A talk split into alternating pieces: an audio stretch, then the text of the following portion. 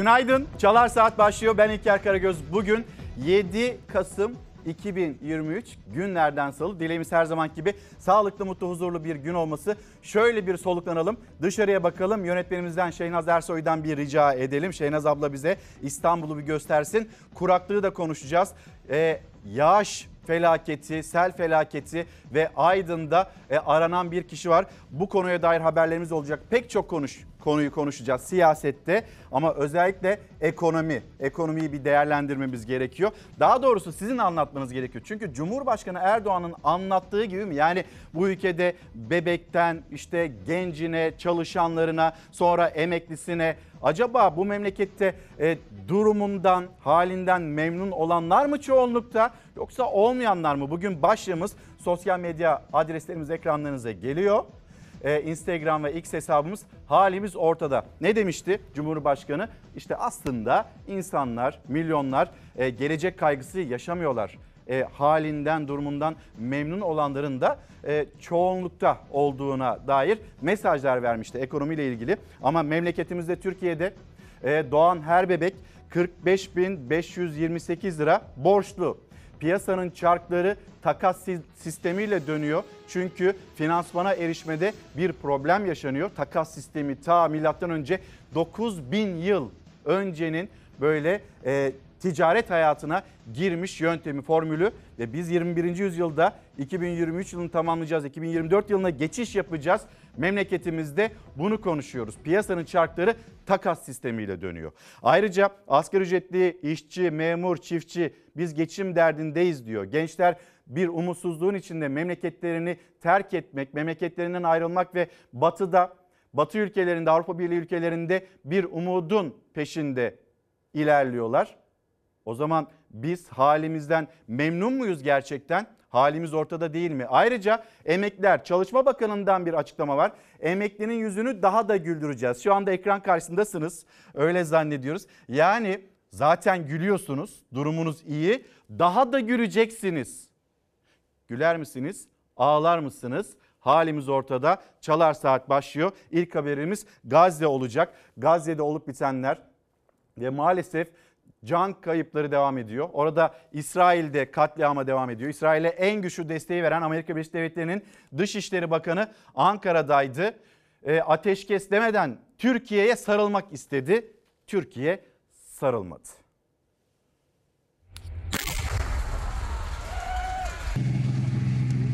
İsrail-Hamas çatışmaları birinci ayını doldururken İsrail Gazze'de ölüm yağdırmaya devam etti. Gece boyunca kenti bombaladı. Şifa Hastanesi'nin üzerine aydınlatma fişeği attı.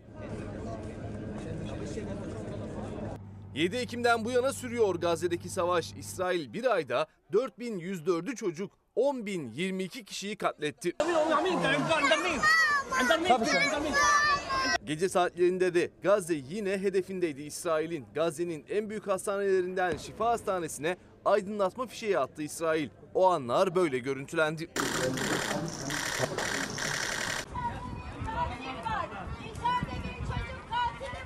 İsrail Gazze'de katliamını sürdürürken Amerikan Dışişleri Bakanı Blinken Ankara'ya geldi. Karşılama soğuktu. Bakan Fidan Blinken'ın sarılma hamlesini boşa çıkardı. Tokalaşmakla yetindi. İsrail katliamlarının en büyük destekçisi Amerika Birleşik Devletleri'nin Dışişleri Bakanı Antony Blinken havalimanında Ankara Vali Yardımcısı Namık Kemal Nazlı tarafından karşılandı. Kritik görüşme ise Dışişleri Bakanlığı'nda yapıldı. Görüşme öncesi Hakan Fidan'ın odasından fotoğraf paylaşıldı. Fidan'ın masasındaki ay yıldız içindeki Mescid-i Aksa figürü dikkat çekti. Ankara bu fotoğrafla Amerika ve İsrail'e mesaj verdi. Görüşme sürerken dışarıda protestolar vardı. Çocuk katili Blinken sloganı atan bir kadın gözaltına alındı. Killer, Blinken, katil, Blinken, çocuklar öldürülüyor. Neyin pazarlığı? Çocuk Türkiye'de istemiyoruz. Dışişleri Bakanı Fidan'la Blinken iki buçuk saati aşkın görüştü. Çıkışta açıklama yapılmadı. Diplomatik kaynaklar Amerika'dan Gazze'de derhal ateşkes istendiğini söyledi. Ankara ve Washington'ın sivillerin zarar görmemesi ve iki devletli çözümde mutabık kaldığını belirtti. Blinken ise havalimanında konuştu. Bakan Fidan'la Gazze'deki krizi ve çatışmaların yayılmasını önlemeyi görüştüklerini söyledi. Ateşkesten bahsetmedi. İnsani ara demekle yetindi. Gazze maalesef çocuklar için mezarlığa dönüştü. Bu tespiti yapan da Birleşmiş Milletler Genel Sekreteri Guterres ve orada Gazze'de e, 1300'ü çocuk, 2350 kişi kayıp yani enkazın altında olduğu düşünülüyor. Maalesef orada büyük bir acı yaşanıyor. İnsani bir ara mı versek diye bir yaklaşım Türkiye'ye geliniyor. Türkiye'ye sarılmak istiyor. Mesela Amerika Birleşik Devletleri Türkiye'nin de desteğini arkasına almak istiyor. Belli ki öyle olmadı. Türkiye kucaklaşmadı. Türkiye el sıkıştı, konuştu. Ateşkesle ilgili ne yapılabilir? İşte bunun formülünü bulmaya çalışıyor. Günaydın demeye e, diyen izleyicilerimiz var. Onlara selamlarımızı da iletelim şu an itibariyle. Bakalım bir Adana. Adana'ya günaydın. Şenel Bey selamlarımızı iletelim. Sonra e, pek çok e, mesaj içinde deprem bölgesini unutmayın diyen izleyicilerimiz unutmayacağız e, asbestin yaratmış olduğu tehlike, yıkım ve ortaya çıkan, açığa çıkan asbestin yaratmış olduğu tehlike onu konuşacağız. Ayrıca yine kontrollü bir yıkım görüntüsü, daha doğrusu kontrollü başlayan, nasıl kontrolsüz biten bir yıkımın görüntüsü geldi deprem bölgesinden. Onu da paylaşacağız. Çalışma Bakanı'nın konuşmasını dinledik. Hani güler misiniz, ağlar mısınız diye sormuştuk. Ne demişti Çalışma Bakanı? Belki şu anda ekran karşısına geçen izleyicilerimiz vardır ve demişti ki Çalışma Bakanı emeklinin yüzünü daha da güldüreceğiz. Emekli bir tebessüm içinde, emekli durumundan memnun, böyle kalmayacak çok daha fazla göreceksiniz sayın emekliler diye Çalışma Bakanı'nın açıklaması. Peki mesela 5 bin liralık ikramiyede yüzünüz güldü mü? Ayın 15'ine kadar bu ikramiyelerin ödemesinin yapılacağı söyleniyor. Önce inşallah denilmişti. Şimdi net bir tarih var en azından. O ödemeler başlayacak yapılacak. Ama bir ayrım var. 5 bin lirada yeter mi yetmez mi? Lütfen onu da yazıp gönderin. Halimiz ortada. Bugün e, mesela hastanelerde biz bir endoskopi randevusu almak isteyen izleyicimizin göndermiş olduğu randevunun hangi tarihe verildiğini paylaşacağız. Lütfen siz de yazıp gönderir misiniz? Siz işte hastaneye gittiniz. Röntgen olabilir, MR olabilir, endoskopi için olabilir. Bir randevu almak istediğinizde acaba ne zamana tarih veriliyor? Halimiz ortada derken sağlık sisteminden de bugün söz etmek istiyoruz. Günaydınlarımıza devam ederiz. Gülseren Hanım yazmıştı Çalışma Bakanı'nın cümleleriyle ilgili olarak da. Biz emekliler onların hali ortada feryat ediyoruz. Artık geçinemediğimizi nasıl anlatmamız gerekiyor acaba yönetenlere diye mesajı gelmiş olsun. Siirt'e götüreceğiz sizi. Maalesef feci bir kaza yaşandı Siirt'te. Bir anne ve 5 evladı can verdi bu kazanın sonrasında.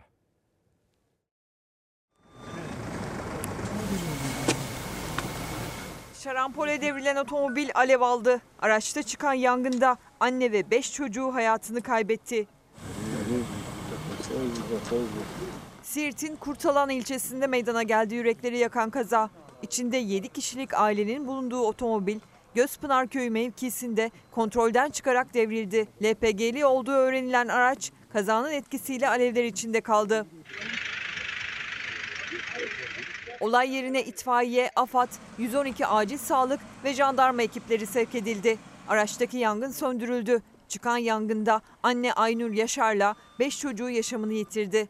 Baba Mehmet Yaşar ise kazadan yaralı olarak kurtuldu. Kahreden kazayla ilgili soruşturma başlatıldı. Allah rahmet eylesin. Kaya Bey günaydın. TÜİK alışveriş yaptığı marketin adresini bize de verse de biz de oradan alışveriş yapsak diyor. Şimdi Kaya Bey eskiden olsa TÜİK'in alışveriş yaptığı, hesaplamayı yaptığı marketin adresini verirdik ya da vermek isterdik TÜİK açıklasaydı böyle bir şey yapsaydı. Artık TÜİK'in verileri de pahalı. Dolayısıyla her yer pahalı. Tarım kredi %50'ye varan indirimler verilmişti. Böyle kuruş kuruş indirim geldi. Liralarla yine zamlar yapıldı. %15, %20 arasında indirim yapılacak bir kampanya başlatıyoruz. Enflasyonla mücadeleye destek veriyoruz diyen Tarım Kredi Kooperatifindeki yeni fiyatlara da hep birlikte bakarız. Şimdi devam edelim gazetelerle ve ilk gazetemizde Karar Gazetesi olsun. Yine ekonomi onun üzerinden ilerleyelim çünkü e, halimiz ortada görülmüyor galiba ya da e, böyle puslu görünüyor belki de. Temmuz zammına bir bakalım. Temmuz zammı Temmuz'da zaten bitti gitti. Emeklerin cüzdanındaki kara delik verilere yansıdı. Temmuz enflasyonu %10 eşiğindeyken emekliye yapılan ortalama zam da bu seviyede kaldı. Çarpıcı tablo emekli zammının hayat pahalılığı karşısında bir ay bile dayanamadığını gösterdi. Ama ne diyor Sayın Çalışma Bakanı? Düzelecek. Zaten gülüyorsunuz. Zaten işler iyi fena değil. Daha da güleceksiniz. Çok mutlu olacaksınız bir sürü zam yapılacak. Takvim gazetesini okuyor olabilir. Çünkü Takvim gazetesi senenin 365 günün 400 günü e, Takvim gazetesi emekliye zam haberi paylaşıyor. Bugün yine vardı ve ama gelmiyor. O zamlar da bir yandan gelmiyor. Halimiz ortada. Mesajlarınızı bekliyoruz hem X'ten hem de Instagram hesabımızdan. Bir Sözcü gazetesi yapalım. Ee, Cumhuriyet Halk Partisi'nin yeni genel başkanı, 8. genel başkanı Özgür Özel oldu bildiğiniz üzere. Ve Özgür Özel e, gazeteci İsmail Saymaz'a konuştu. Kemal Bey, Kemal Bey elimi havaya kaldıracaktı. Engellediler. Bir isim var danışman mı değil mi? Partide bir görevi var mı yok mu? Ama kritik görüşmelerde de yer alan bir kişi kendisi. Ee, İmam Bakır Üküş. Bir kere hani bu kişi kim? Nasıl bir genel başkanın yanında sesini böylesine yükseltebiliyor? Bu tartışmalar da devam ediyor. Kalalım yine ee, izin vermiyoruz çekilemezsiniz dedi yine kendisi İmam Bakır Üküş. Soru bu İmam Bakır Üküş kim ki genel başkana bu kadar yüksek tondan bağırabiliyor. Cumhuriyet Halk Partisi'nde konuşulan tartışılan konulardan bir tanesi de bu kurultayın ardından. Tekrar geri gelelim Sözcü gazetesine. Kemal Bey elimi kaldırmak istedi engellediler. Gazetenin manşeti bakalım bir detaylarına. Yazarımız İsmail Saymaz'a konuşan Özel stratejisini, partinin yönünü, yeni politikaları ve o gece kurultayda yaşananları anlattı. İşte sözleri zaten biz de haberleştirdik. İsterseniz Özgür Özel'in İsmail Saymaz'la konuşması ve işte sözleri.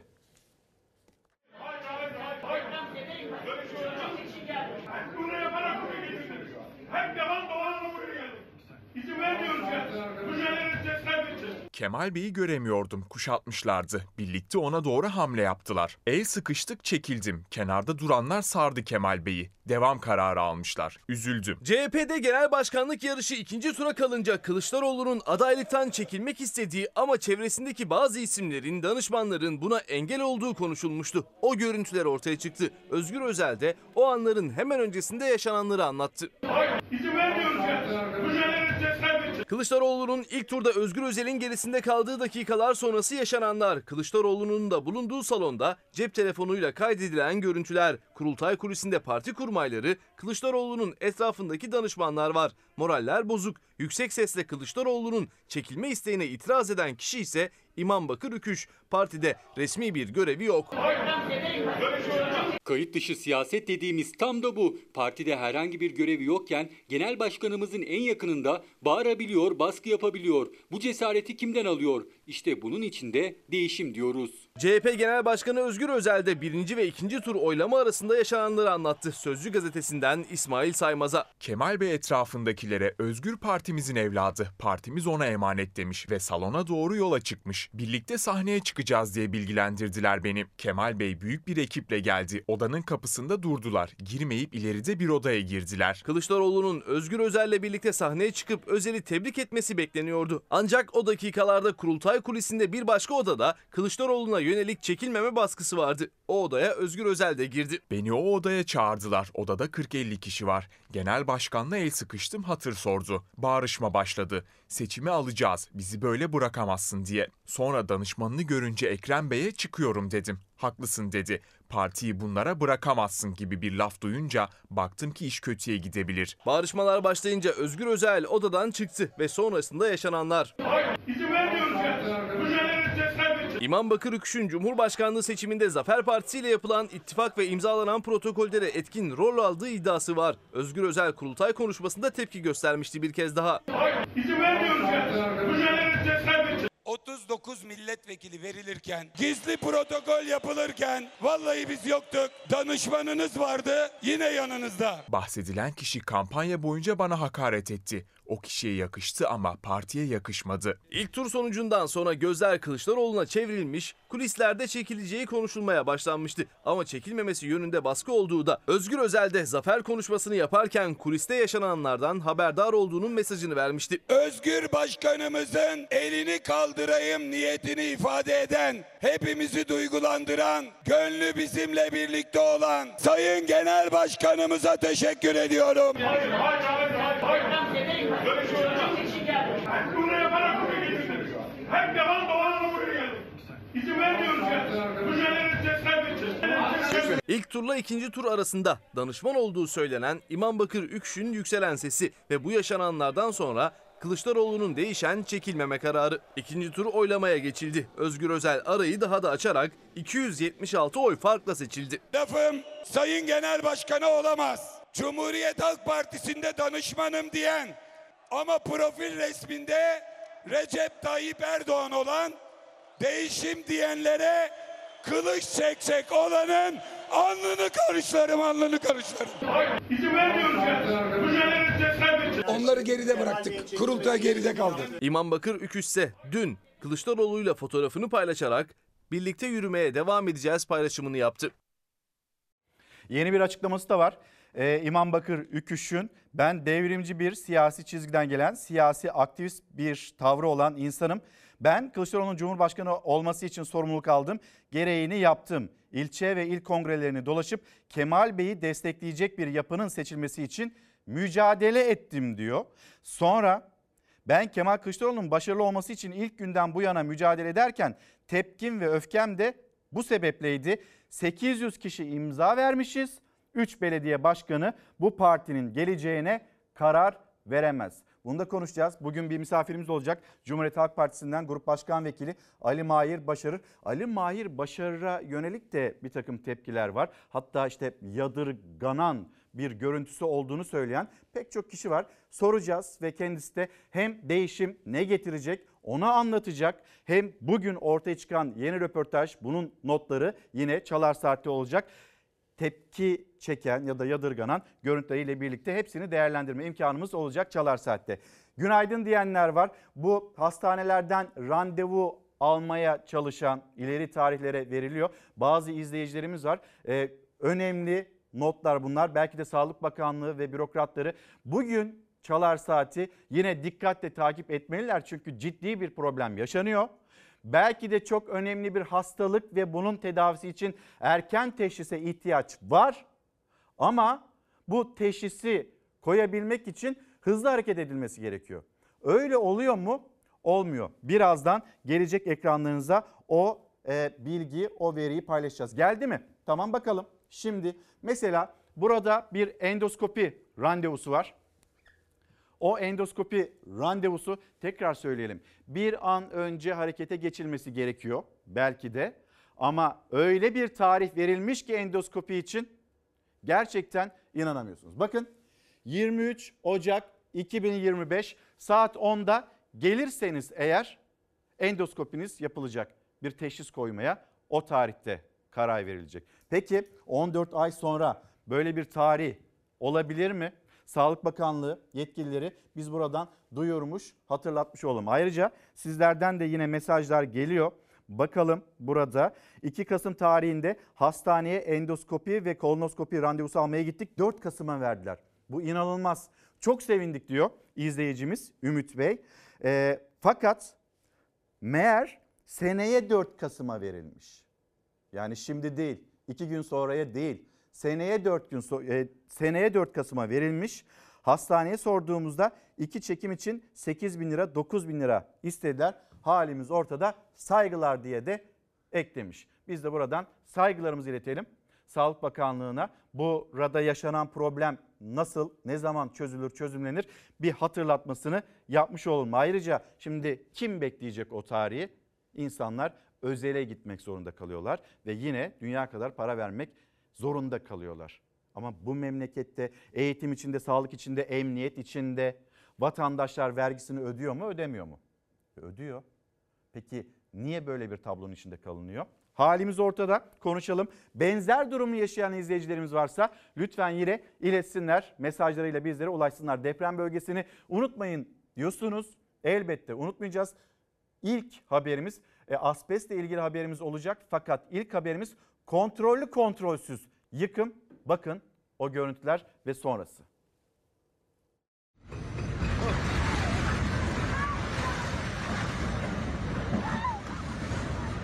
Kepçe aniden çöken binanın altında kaldı. Operatör canını son anda kurtardı. Yine kontrollü olması gereken yıkımda kontrol kaybedildi.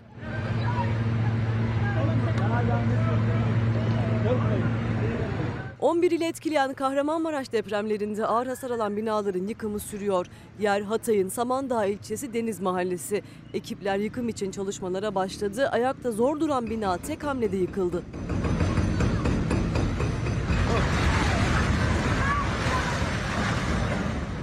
Yıkıma hasarlı binanın kolonundan başladığı görülüyor kepçe operatörünün zaten tek bir darbeyle tuzla buz oluyor bina. Enkaz altında kalan kepçenin operatörü ve binanın hemen önünde duran bir kişi canını zor kurtardı. O anlar bir vatandaşın cep telefonu kamerasıyla saniye saniye görüntülendi.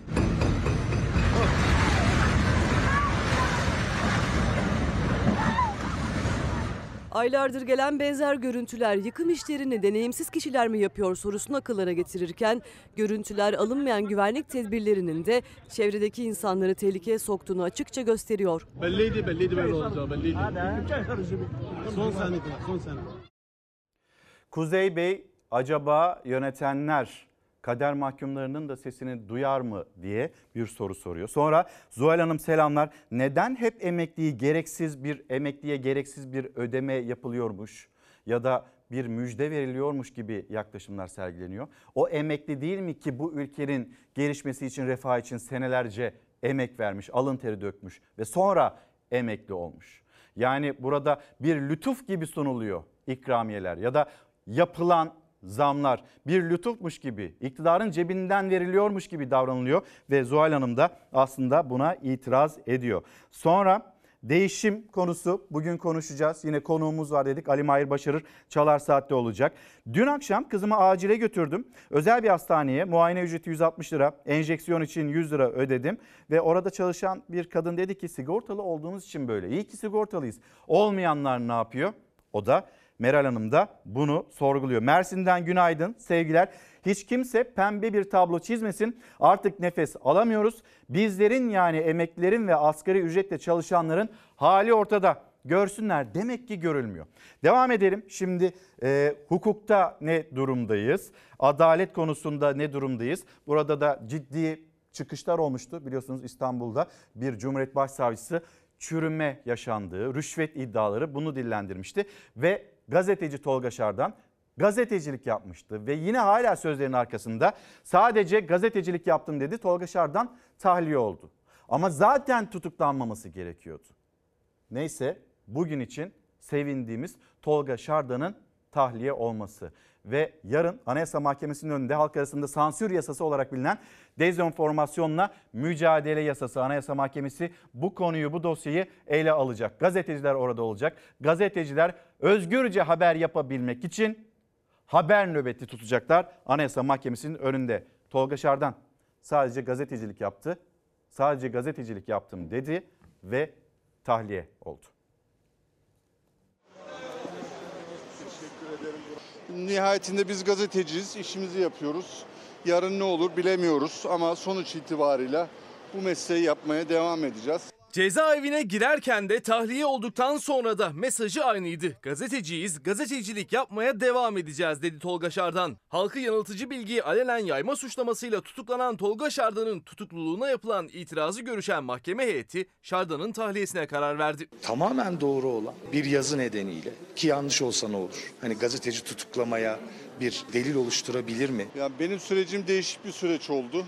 E tabii sevinçliyim yani tahliye oldum. Gazeteci Tolga Şardan, MİT'in Cumhurbaşkanı Erdoğan'a yargıda yolsuzluk iddiaları konusunda tespitler içeren bir rapor verdiğini yazdı. Sonrasında İstanbul Cumhuriyet Başsavcılığı'nın başlattığı soruşturmayla tutuklandı. Şardan'ın evinde arama yapıldı, telefon ve bilgisayarındaki bilgilere imaj kopyası alınmadan el konuldu. Hem tutuklamaya hem de arama ve el koymaya tepkiler yükselmişti. Eğer bu tehlikeli gidiş devam ederse bugün Tolga Şardan'dı, yarın Mehmet'tir, Ali'dir. Gazetecilerin daha fazla baskı ve tutuklanmalarla karşı karşıya kalacağını göreceğiz. İşlendiği iddia edilen suçun önemli ve ciddi sayılan katalog suçlardan olması nedeniyle tutuklama nedeninin kanun gereğince varsayıldığı, alması muhtemel ceza göz önüne alındığında kaçma şüphesinin bulunduğu, Şardan'ın avukatları tutuklamaya gerekçe gösterilen katalog suç maddesine de dezenformasyon yasasıyla getirilen halkı yanıltıcı bilgiyi alenen yayma suçlamasına da itiraz etti. Dosyada tanık veya mağdur da yok denildi.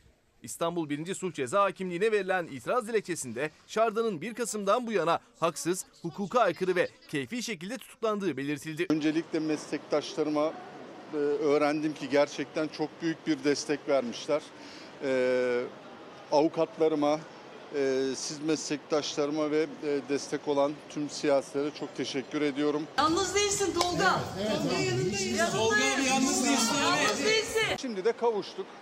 E, cezaevinde olan diğer meslektaşlarımız var. E, bir an önce onların da ailelerine kavuşmalarını temenni ediyorum ben. Tutuklama yapılan itiraz sonrası Silivri cezaevinde bulunan gazeteci Şardan yurt dışına çıkış yasağı ve adli kontrol şartıyla tahliye edildi. Şardan'ın tutuklanmasına gerekçe sansür yasası ise bir kez daha tartışmalarla gündeme geldi. Maddenin iptali için yapılan başvuruyu Anayasa Mahkemesi 8 Kasım'da görüşecek. Yarın da Anayasa Mahkemesi'nin önündeyiz. Müzeyyen Hanım günaydın. Emekli olduğum halde raporlu tansiyon ilaçlarına 100 lira verdim. Rapor olduğu halde vay halimize halimiz ortada diyor. Sonra e, Avni Sarıkaya günaydınlar. E, Şehnaz abla az önceki o randevuyu bir kez daha verir misin? E, ta 2025 yılında 14 ay sonraya verilen randevuyu. Randevu süresi bayağı bir abartılmış e, abartılmış diyor izleyicimiz 3 ay 5 ay duydum da 14 ayı hiç duymamıştım. İşte karşımızda tarih burada bugün 7 Kasım ki öncesinde alınmış, istenilmiş, talep edilmiş bir randevudan söz, söz ediyoruz birkaç gün öncesinde. İşte yazıyor 23 Ocak 2025. Burada hani bilgisayarda, baskıda bir hata yoksa karşımızdaki durum bu. Randevu, endoskopi, önemli bir rahatsızlığı olabilir. Tabii ki bu hasta ya da benzer hastalar bekleyemezler 2025'i. Mecburen gidecekler özelde o endoskopiyi bir sürü para ödeyerek, ödemek zorunda kalarak yaptıracaklar. Ama şu anda yaşadığımız durum bu. Değilse yaşamıyorsanız lütfen bize yazıp gönderin. Halimiz ortada başlığı. Şimdi gelelim yine Cumhuriyet Halk Partisi'ne dönelim.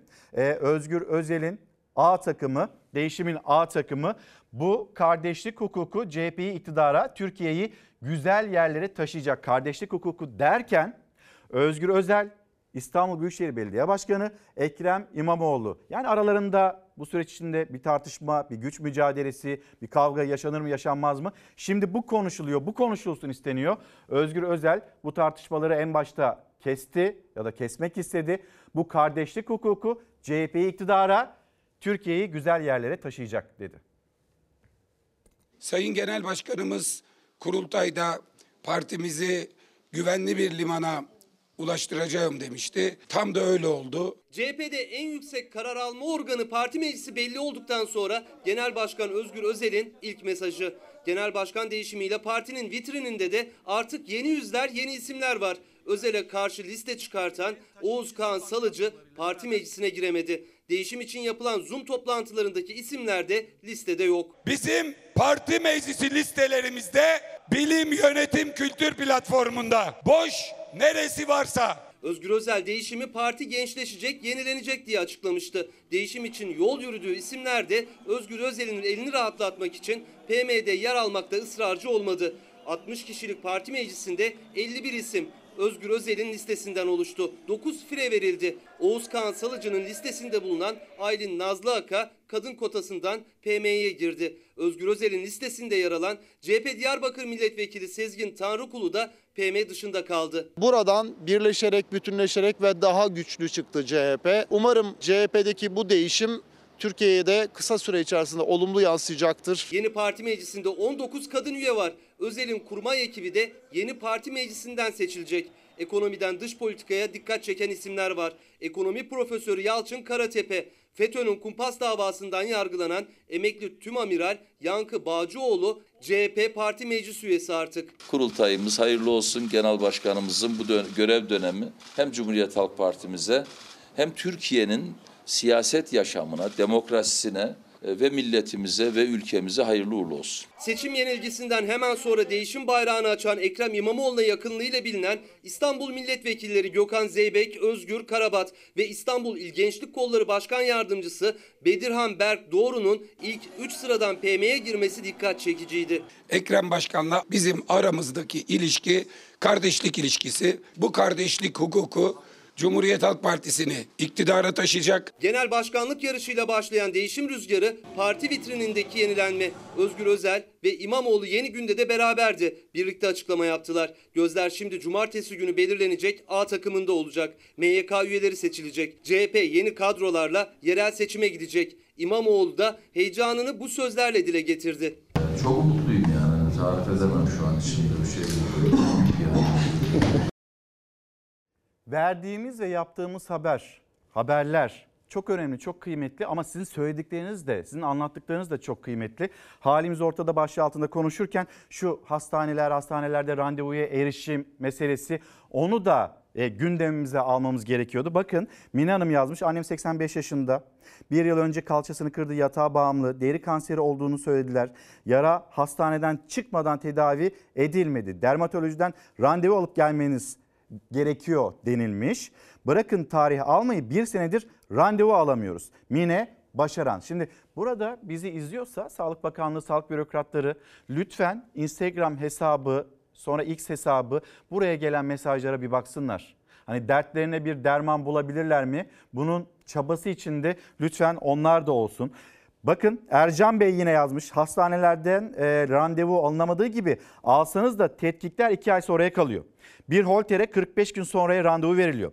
Tabii holter sonucu için tekrar bulabilirsen randevu alacaksın. Tekrar para ödeyeceksin. Doktora sonucunu göstermen ancak bu şekilde olacak. Efendim şimdi bir mola vereceğiz. Reklamlara gideceğiz. Hemen birkaç kitap göstereyim de öyle gitmiş olalım. Umuda Yolculuk Ercan Deva'nın kitabı. Sonra Hakan Akçam emlak danışmanının el kitabı kendisinin çalışması. Aytunç Erkin teşekkür ediyorum e, meslektaşımız ve kendisi imzalayarak da göndermiş. Masa 96 saatin öyküsü altılı masanın masanın hikayesini öyküsünü anlatıyor. Anadolu'da bir liman kenti Gemlik sözler yüzler izler Gemlik Belediyesi'nin bir çalışması. Hadi tamamlayalım. Liderlik yöneticilik yine Hakan Akçam'ın kitabı ve bir kitap daha o da şiir kitabı. Gece yarısı şiirleri Avni Kuru'ya aitti. Şimdi hızlı bir şekilde reklamlara gidelim dönelim. Halimiz ortada bu başlık altında konuşalım. Günaydın bir kez daha devam ediyoruz Çalar Saat'te. Hemen Çalışma Bakanı ve Çalışma Bakanı'nın emeklilere o müjdesi gelsin. Bir enerji, bir sinerji yarattı emeklilerde. Emeklinin yüzü daha da gülecek dedi. Emeklinin yüzü gülüyor çok daha fazla gülecek dedi. Yalnız burada X'ten bir mesaj gelmiş onu da okumak isterim. Veli Dağıtan yazmış bu mesajın üzerine bu açıklamanın üzerine eyvah eyvah. Yani hani hep böyle söylüyorlar petrol deniliyor doğalgaz deniliyor zam üstüne zam geliyor. Yoksa emekliyi daha zor günler mi bekliyor? diye bir e, sevinç dalgası değil de bir enerji e, açığa çıkması değil de bir endişe. Hani böyle bir yaklaşım sergilemiş ve Veli Bey umarız öyle olmaz ve emeklinin yüzü daha da gülecekmiş efendim.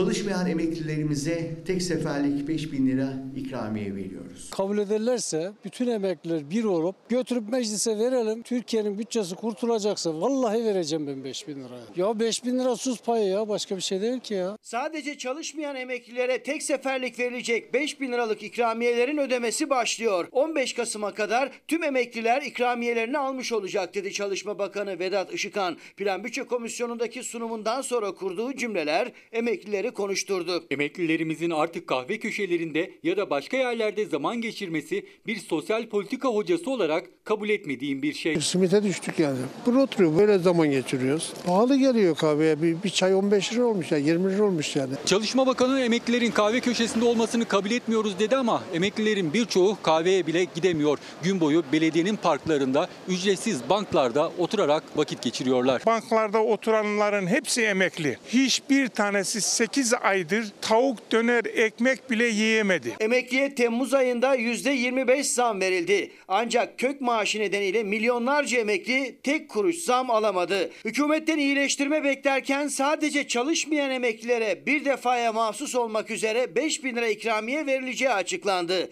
Bakan da bir kez daha emeklileri refaha ortak edeceğiz dedi. İnşallah emeklilerimizin yüzünü daha da güldürecek yeni adımlarla tüm vatandaşlarımızı bu refaha ortak edeceğiz. Yeri zaten hazır yani götüreceğiz ona vereceğiz. Motorlu taşıtlar vergisi ödeyeceğiz. 1500-2000 de oraya gitti işte bir şey yok. Bizde dalga geçiyorlar yani. Yapacak bir sürü dert var. Kime vereceğiz, nasıl vereceğiz? Yani 5 bin lira vermesi ondan daha iyiydi yani. Çalışmayan emeklilerin hesabına 5 bin liralık ikramiye kademeli olarak 15 Kasım'a kadar yatacak. Çalışan emekli ise alamıyor ikramiyeyi. Ben depremizadayım. Hatay'dan geldim. Dükkanım iş yerim yıkıldı. Bariye kaydım olduğu için 5 bin lira ben yararlanamıyorum. Ben alamıyorum ben çalıştığım için. Gerçi versen olacak sakız parası. Ne işe yarayacak ki 5 bin lira? Her aya 5 bin lira verse yine yaramaz. İkramiye alamayan emekliler tepkili. Bakanın emekliler için kahvehane köşelerinde zaman geçirmelerini kabul etmiyorum sözlerine de emekliler kahvehaneye de gidemiyoruz, çay da içemiyoruz diye ses yükseltti. Kahveye emeklinin gideceğini zannetmiyorum. Buradakilerin hepsi emekli. Sabahleyin geliyor uyukluyor uyukluyor burada oturuyor akşam da gidiyor. İki tane çay içsem 15 lira. Benim bir zevkim vardı kahveye gitmek ondan da oldu Allah'a şükür. Emekli halimiz ortada diyor. Zaten daha ne söylesin. Şimdi arkamızda e, gazete duvarın bir paylaşımıydı sosyal medya üzerinden. Biz de e, oradan siz aldık ve sizinle paylaşmak istedik. Yarı fiyatına bayat, ekmek, simit, poğaça. Şimdi böyle günlerin içinden geçerken e, emekli banklarda günü geçirirken deniliyor ki iyisiniz, daha iyi olacaksınız. Gülüyorsunuz, çok daha fazla güleceksiniz. Bir de millet bahçeleri hani orada kek dağıtılacaktı, poğaça dağıtılacaktı, çaylar, kahveler. Hani o uygulamadan faydalanan var mı? Yani millet bahçesine gidip en azından böyle bayat, simit, poğaça yemek zorunda kalmayıp böyle ucuz o keklerden alıp yiyenler var mı? Belki yazmak istersiniz, göndermek istersiniz. Halimiz ortada başlığı altında konuşurken. E, kredi yurtlar kurumlarında ne oluyor? Sıradaki haberimiz bu olsun. Bir tarafta asansör faciaları. Kimse denetlemeyecek mi bunu? Bir hatırlatmış olalım. Sayın Vali, Rize Valisi bir çıkışı var. Onu da az sonra dinlersiniz. Fakat sizleri yine bir kredi yurtlar kurumu ve yurduna götüreceğiz. Zehirlenme, gıda zehirlenmesi iddiası anneler babalar evlatlarını devlete gönderiyor, devlete emanet ediyor. Ama bir tarafta asansör faciası olur mu endişesi, diğer tarafta çoluğum çocuğum acaba sağlıklı bir şey yiyebiliyor mu kaygısı.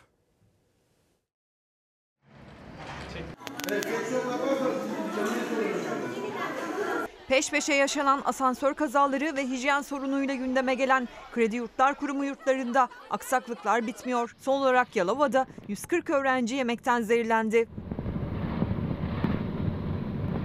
Yalova'nın Termal ilçesinde KYK'ya bağlı Akçahatun Kız Öğrenci Yurdu'nda akşam yemeğinden sonra bazı öğrencilerde karın ağrısı ve ishal şikayetleri başladı.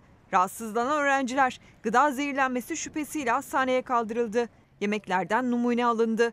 Hastanelik olan 140 öğrencinin bir kısmı ayakta tedavi edildi. Öğrencilerin genel durumları iyi.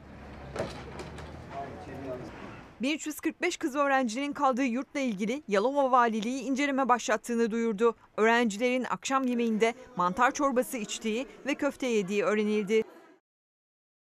Bir incelemede Rize'de, Rize'de KYK yurdunda yaşanan o asansör, faciaya ramak kala duran o asansör ve oradaki çocuklar, oradaki çocukların endişeleri, gençlerin endişeleri, öğrencilerin ve bir taraftan barınamıyoruz tepkisi. Diğer taraftan e, buradayız ne olacağız? Korkuyoruz bu asansörler niye böyle diye Sayın Vali'ye ilettiler. Vali devreye girdi.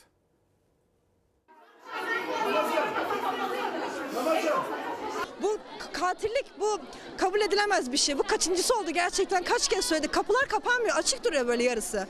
Düşüyor ne bileyim duruyor. Kaç kez arkadaşlarıma araya bulaşmaya çalıştım ben. Durdu çıkaracaklar 45 dakika kalanlar oldu. İstifa değil ben görevden alacağım diyorum.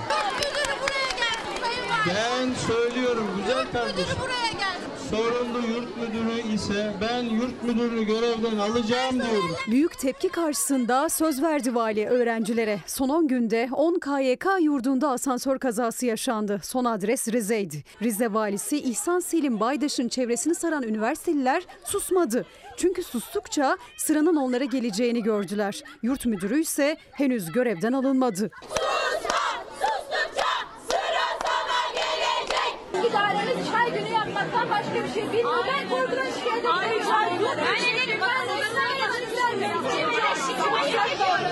Rize Ayder KYK yurdunda asansör sorunu hep vardı öğrencilere göre. 22 yaşındaki Seranur D asansörle 9. kattan zemin kata indi.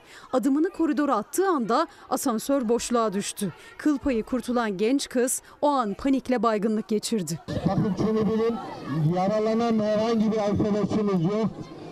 Asansörde kalan arkadaşımız sadece korktuğu için tedbir amaçlı hastaneye getirildi. Bu asansörün içerisinde kimsenin olup olmaması hiç önemli değil. Önemli olan KYK yurdunda ailelerimiz bize buraya güvenmişken burada bir asansörün düşmüş olması. 25 Ekim'de Aydın'daki KYK yurdundaki asansör kazasında Zeren Ertaş'ın ölümü tüm Türkiye yasa boğarken sonrasında 10 günde 10 kaza daha yaşandı. Çorum'da 6 öğrenci mahsur kaldı asansörde. Bartın'da 3. kattan eksi 1. kata düştü yurt asansörü. Giresun'da ise 8. kattan 5. kata. Ordu Fatsa Kız Öğrenci Yurdu'nda da 4 öğrenci mahsur kaldı. Kurtarılır kurtarılmaz zemine çakıldı asansör. Gümüşhane, Konya, Nevşehir, Sivas, Muş ve son olarak Rize. Korkuyor musun? Çakılacağını düşünüyorsun.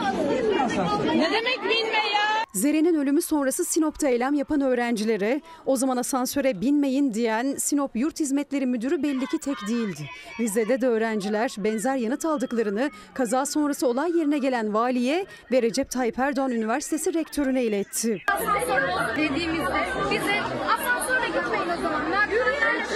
Halkın Kurtuluş Partisi KYK yurdu asansörlerinde ihmalleri olduğu gerekçesiyle Gençlik ve Spor Bakanı, Sanayi ve Teknoloji Bakanı ile KYK Genel Müdürü Recep Ali Er hakkında suç duyurusunda bulundu. Isparta'da da öğrenciler mahsur kaldıkları yurt asansöründen tepki gösterdi. Isparta KYK yurtu asansörde kaldı. Güvenlik yok. Güvenlik yok. Gelen yok.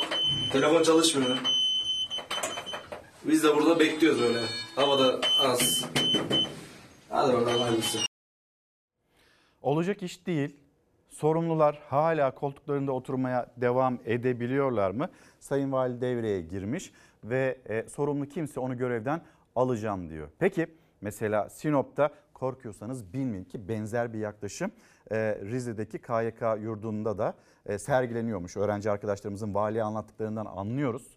Sinop'ta korkuyorsanız bilmeyin yürüyerek çıkın diyen kişi bununla ilgili bir adım atıldı mı?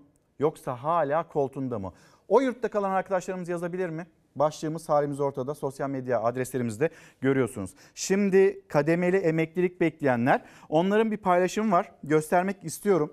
Buyurun. Sigorta başlangıcı 8 Eylül 1999. Bir gün önce 43 yaşında emekli olabiliyorsun. Bir gün sonra 60 yaşında emekli oluyorsun. Peki bu hak mı? Adalet mi? Haksızlık değil mi? İşte bunu gündemine taşıyor. Emadder Türkiye'nin duyulur mu? Çok emin değiliz ama yerel seçimler yaklaşıyor. Belki burada bir kademeli emeklilik düzenlemesi gelir aslında bir temenni olarak söylüyoruz. Pek çok kişi milyonlar bekliyor diye. Tekrar geri dönelim. Cumhuriyet Halk Partisi, Cumhuriyet Halk Partisi'ndeki değişim az sonra Ankara'ya döneceğiz. Orada e, Cumhuriyet Halk Partisi'nin Grup Başkan Vekili Ali Mahir Başarır bizi bekliyor. Öncesinde Özgür Özel, Cumhuriyet Halk Partisi'nin yeni lideri Özgür Özel ve Cumhurbaşkanı Erdoğan arasındaki ilk polemik. Ayağa kalkın ve partiyi ayağa kaldırın. Kongreyi kazanan zat o da aynen Selahattin Demirtaş'a selam verdi. Kavala'ya selam verdi. Al birini vur diğerine. Elbette bu açıklamayı beklerdim ama bir tebrik telefonundan sonra beklerdim. Erdoğan'ın stresini, içindeki karabasanı anlıyorum. Cumhuriyet Halk Partisi'nden endişe etmeye devam etsin. CHP'nin yeni genel başkanı Özgür Özel ve Cumhurbaşkanı Erdoğan arasındaki ilk polemik. Erdoğan'a yeni başkan Özel'den jet hızıyla yanıt, tebrik telefonu gelmemesine de sitem. Erdoğan'dan duyacağım ilk şey tebrik telefonu olması lazımdı. Erdoğan bundan sonra geçen her günün kendisi açısından daha zor, bizim açımızdan daha moralli olacağını biliyor. Bunların birbirinden farkı var mı? Yok.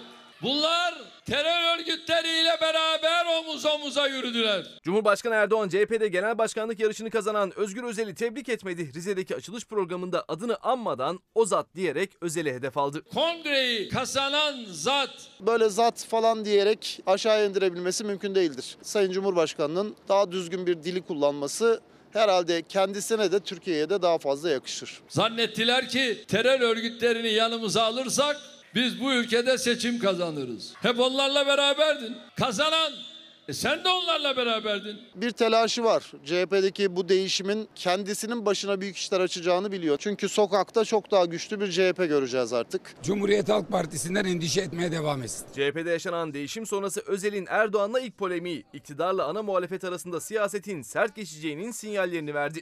Erdoğan aramadı ama Cumhur İttifakı ortağı Bahçeli'den tebrik gitti Özgür Özel'e. Cumhuriyet Halk Partisi'nde sınıf arkadaşım devam etmezse Ekrem'e karşı özgür derim. Devlet Bahçeli aradı. Sayın Genel Başkanım zorlu kongre süreci geçirdiniz. Başarı kazandınız. Tebrik ederim dedi. Karşılıklı başarı diledik. Özgür Özel iktidara dönük ilk mesajlarını da mazbatasını aldıktan sonra 14 Kasım'da yapılacak meclisteki ilk grup toplantısında verecek. Efendim Ankara'ya döneceğiz ve Ankara'ya dönmeden önce neden acaba Cumhurbaşkanı Erdoğan Özgür Özel'in ismini anmıyor ve bir telaş mı var, bir karabasan hali içinde mi Özgür Özel'in söylediği gibi e, AK Parti? Onu da konuşacağız soracağım sorular arasında.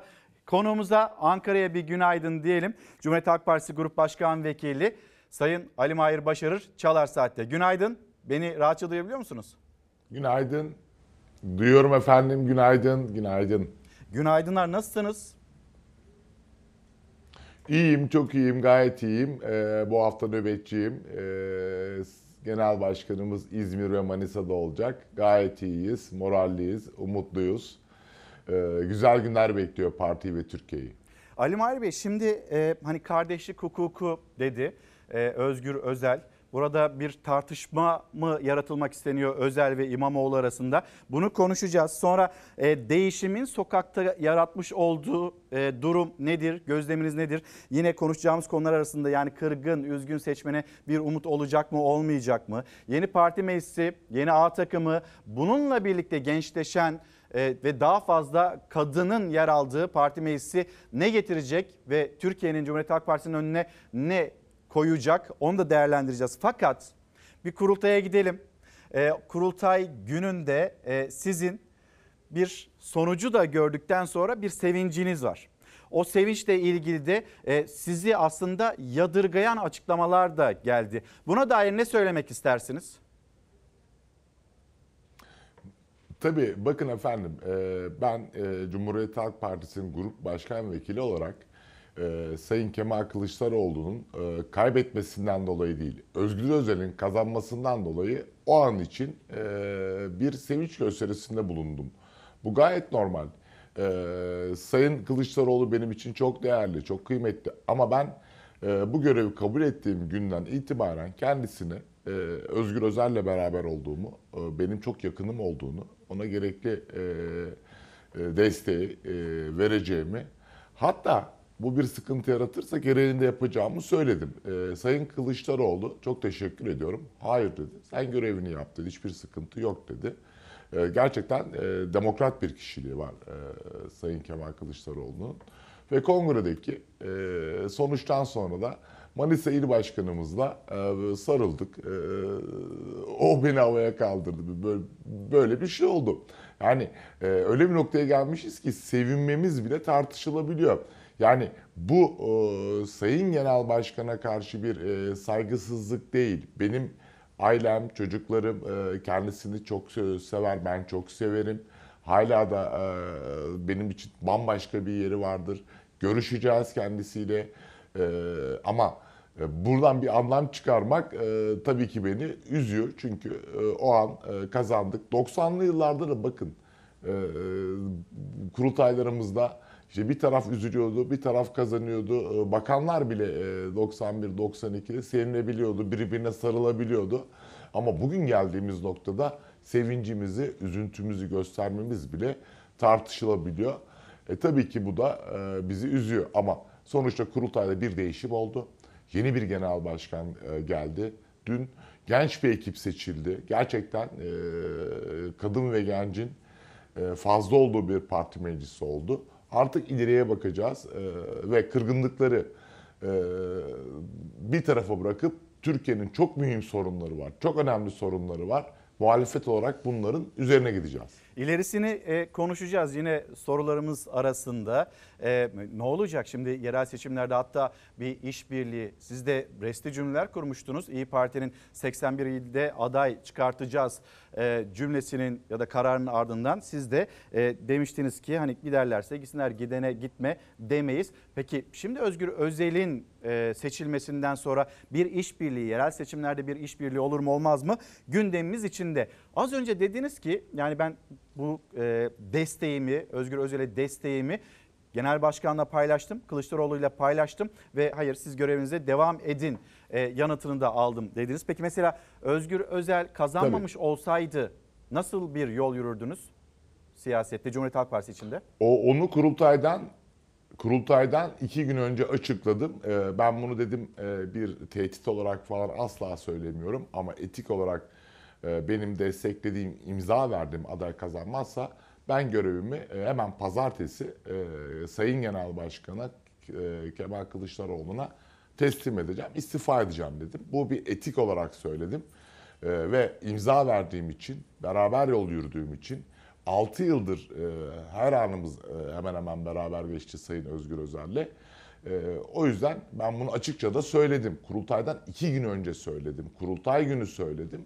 Hatta kurultayda da bu çok takdir gördü. Sizi tebrik ediyoruz dediler. E, doğru olan da bu dediler. E, ben bunu e, açıkça belirttim zaten. Şimdi birinci tur bitti. ikinci tur ee, acaba Kemal Kılıçdaroğlu çekilir mi çekilmez mi? Ee, nasıl bir e, tavır e, sergileyecek? Bu konuşulurken Sözcü gazetesinde Ankara kulislerinde zaten konuşuluyordu. Sözcü gazetesinin manşetinde Özgür Özel'in de açıklamaları var. Şimdi bir isim var e, karşımızda ve o isim de e, izin vermiyoruz çekilemezsiniz. İmam Bakır Üküş. Tanıyor musunuz kendisini? Kimdir? Partideki görevi nedir? Ya ben kendisi benim bildiğim kadarıyla bir görevi yok. Benim bildiğim bir görevi yoktu. Ee, Ama kongrelerde, e, partinin kulislerinde gördüğüm birisiydi. Bir samimiyetim yok. İşte merhaba merhaba deriz. Ama gerçekten böyle derinlemesine bu adam evet bir gazeteci e, herhalde. Ama kimdir? Ee, Sayın Genel Başkan nasıl nasıl bir yakınlığı vardır bunu bilmiyordum. Bunu hala da bilmiyorum. Ee, Orada o cümleyi niye kullandı, hangi samimiyetine e, göre kullandı onu da bilmiyorum. Ee, Sayın Genel Başkanımız e, Kılıçdaroğlu'nun takdirleri. Herhalde onu söyleyecek kadar bir samimiyeti, yakınlığı var kendisiyle. Ee, Bunun dışında da bir yorum yapmak istemiyorum. Gerçekten istemiyorum. Çünkü durumunu, konumunu bilmiyorum. Yani onun danışman mı e, ya da yakın bir dostum var. Bunu bilmiyorum yani. Ya siz senelerdir Cumhuriyet Halk Partisi'nin içindesiniz. Hani zaman zaman karşılaşıyorsunuz. Böyle bir isim sonra işte o gün kritik bir karar alınacak. Sesini yükselten, hayır izin vermiyorum, çekilemezsiniz diyen bir kişi. Siz de şaşırttı mı o görüntüler? Beni şaşırttı tabii yani. Mesela bakın efendim bir Sayın Fikret Bila arayabilir. Efendim çekilin bakın ikinci turda gelin elini kaldırın diyebilir. Uğur Dündar bunu söyleyebilir. Çünkü bunlar Türkiye'de kendi rüştünü ispat etmiş gazeteciler. Bizlerin de yakın dostları. Ama dediğim gibi ben bu beyefendinin durumunu, konumunu ben hep görüyordum. Kuliste gördüm, toplantılarında görürdüm, il kongrelerinde görürdüm. Anadolu'daki il kongrelerine geliyordu. Ama Hala ben orada hangi sıfatla ve niye öyle bir tepkide bulunduğunu bilmiyorum. Ama ben e, ilk turdan sonra şunu söylemiştim Cumhuriyet Halk Partisi Grup Başkan Vekili olarak Sayın Genel Başkanımız gelirse Sayın Özgür Özel'in elini kaldırırsa, sarılır, e, sarılırlarsa onu omuzumda arabasına kadar götürürüm demiştim. E, Ben bunu çok bekliyordum. Bu konuda Genel Başkanımıza e, birçok partinin e, üst düzey yetkilisi, dostları mesajla verdi. Ama böyle bir karar verdi. Artık bence bunu tartışmaktansa bundan sonrasına bakmamız e, gerekiyor. Zaten ben kızların beşiğime kendisini ziyaret edeceğim. Onu da söyleyeyim yani. Biz görüşeceğiz Kemal çünkü iki e, küçük kızım evet çok sever Kemal Bey'i. Ben benden habersiz mailleştiklerini de biliyorum sürekli. Yazıştıklarını da biliyorum.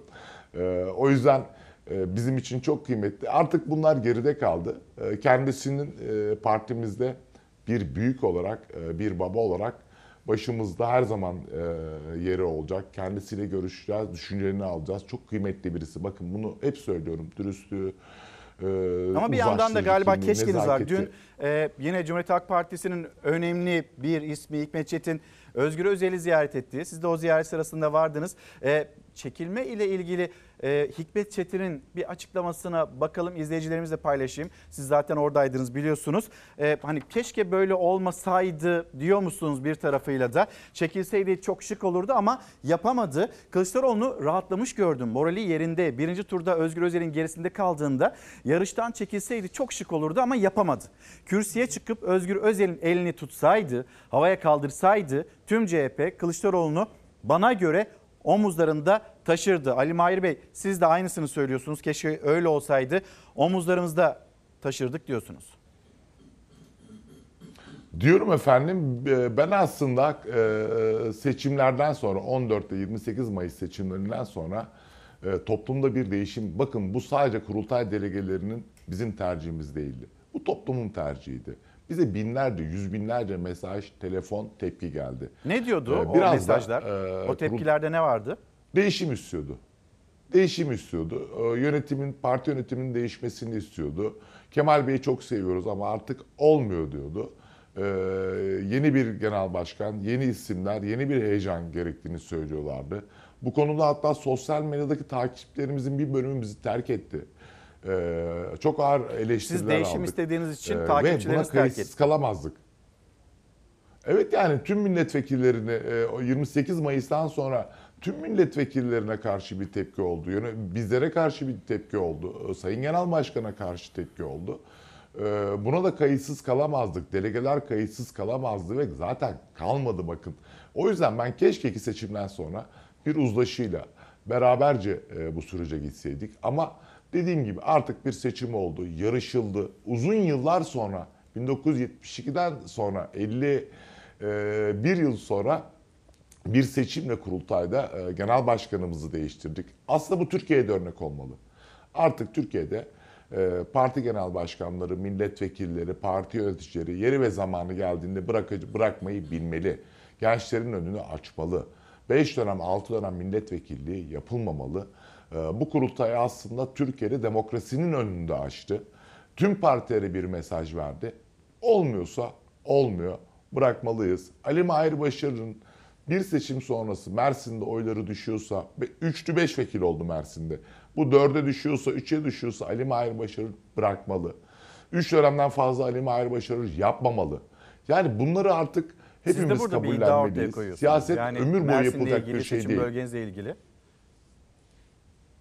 Efendim? Siz de burada bir iddia ortaya koyuyorsunuz seçim bölgenizle ilgili. Yani işte sizin bulunduğunuz yerde milletvekili sayısı düşerse Ali Mahir Başarır bırakmalı diyerek öyle mi yapacaksınız?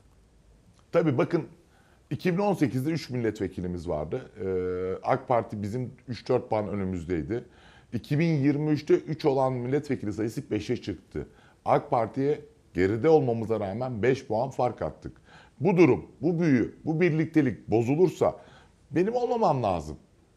Benim bir daha ısrarla Ali Mahir olacak dememem lazım. Yerimi başka bir arkadaşım almalı.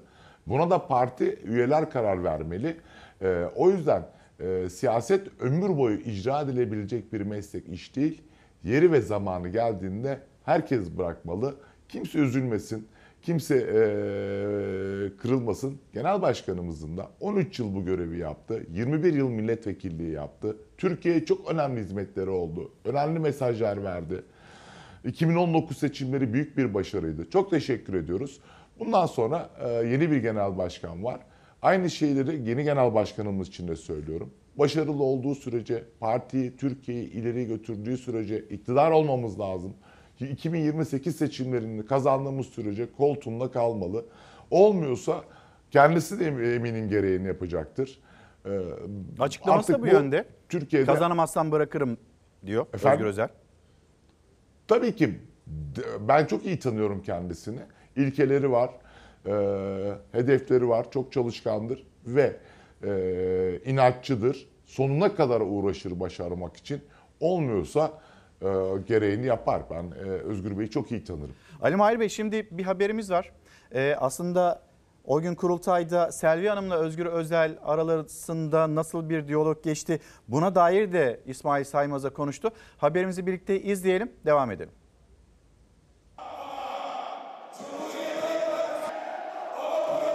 CHP'de kurultayın en dikkat çeken anı Özgür Özel kürsüden Kılıçdaroğlu'na yönelik eleştirilerini sıralarken Selvi Kılıçdaroğlu'nun tepkisi hatta öfkesi. Özgür Özel o anlarda konuşulanları anlattı. Bunu söylemeniz doğru olmadı gibi bir şey söyledi. Neyi dedim? Söylediniz ya 39 milletvekili belirlenirken orada değildik diye. Cevap vermedim. Kemal Kılıçdaroğlu ne kadar sakinse Selvi Kılıçdaroğlu o kadar öfkeliydi. O anları Fox Haber kamerası kaydetti.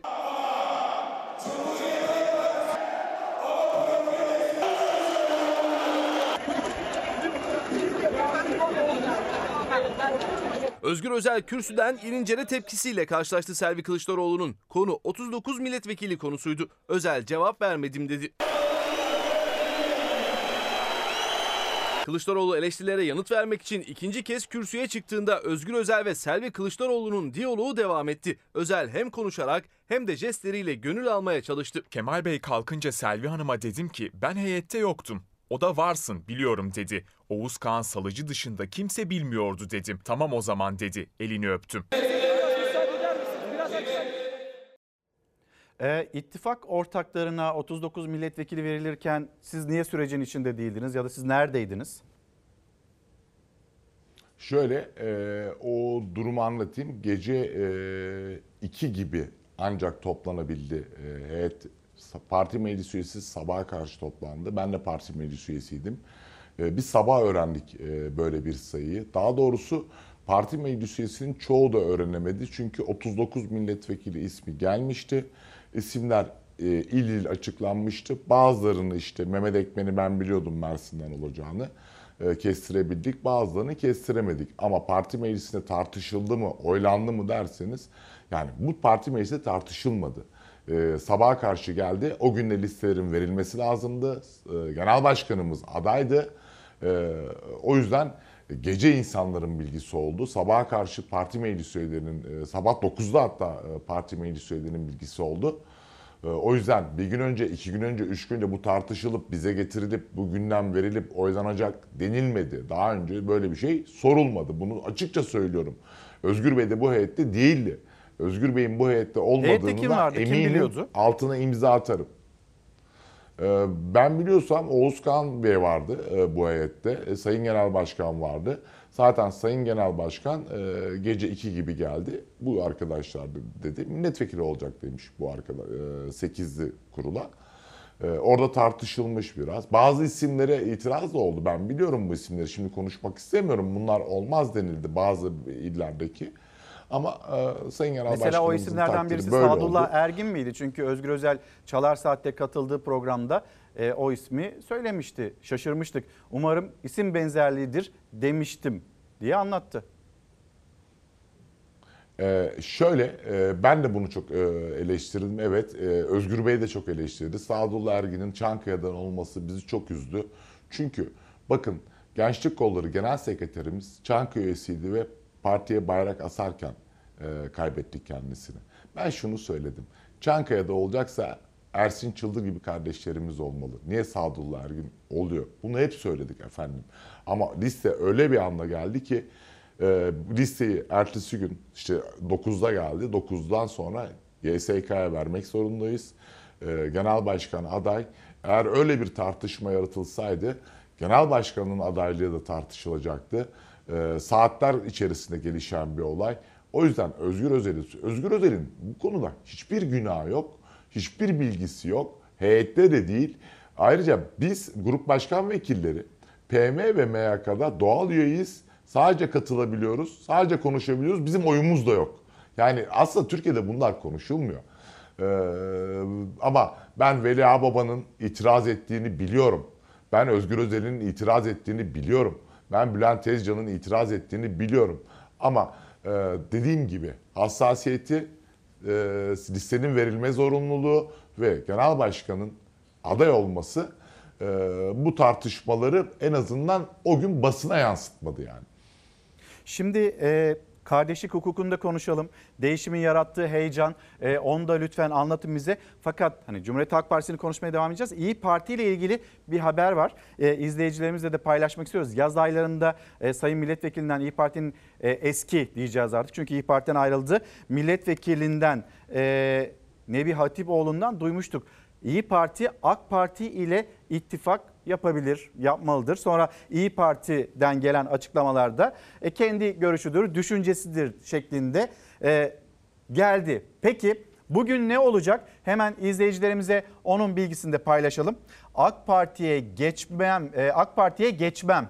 Ne işim var demişti Nebi Hatipoğlu, eski İyi Parti milletvekili AK Parti'ye mi katılıyor diye bugün karşımızda bir soru var. Yanıtını söyleyeyim. Evet. Gerekirse İyi Parti e, muhalefette kalırsa, AK Parti tekrar iktidarda olursa AK Parti'ye geçer misiniz diye sordum. Ben net bir soru. Evet ya da hayır.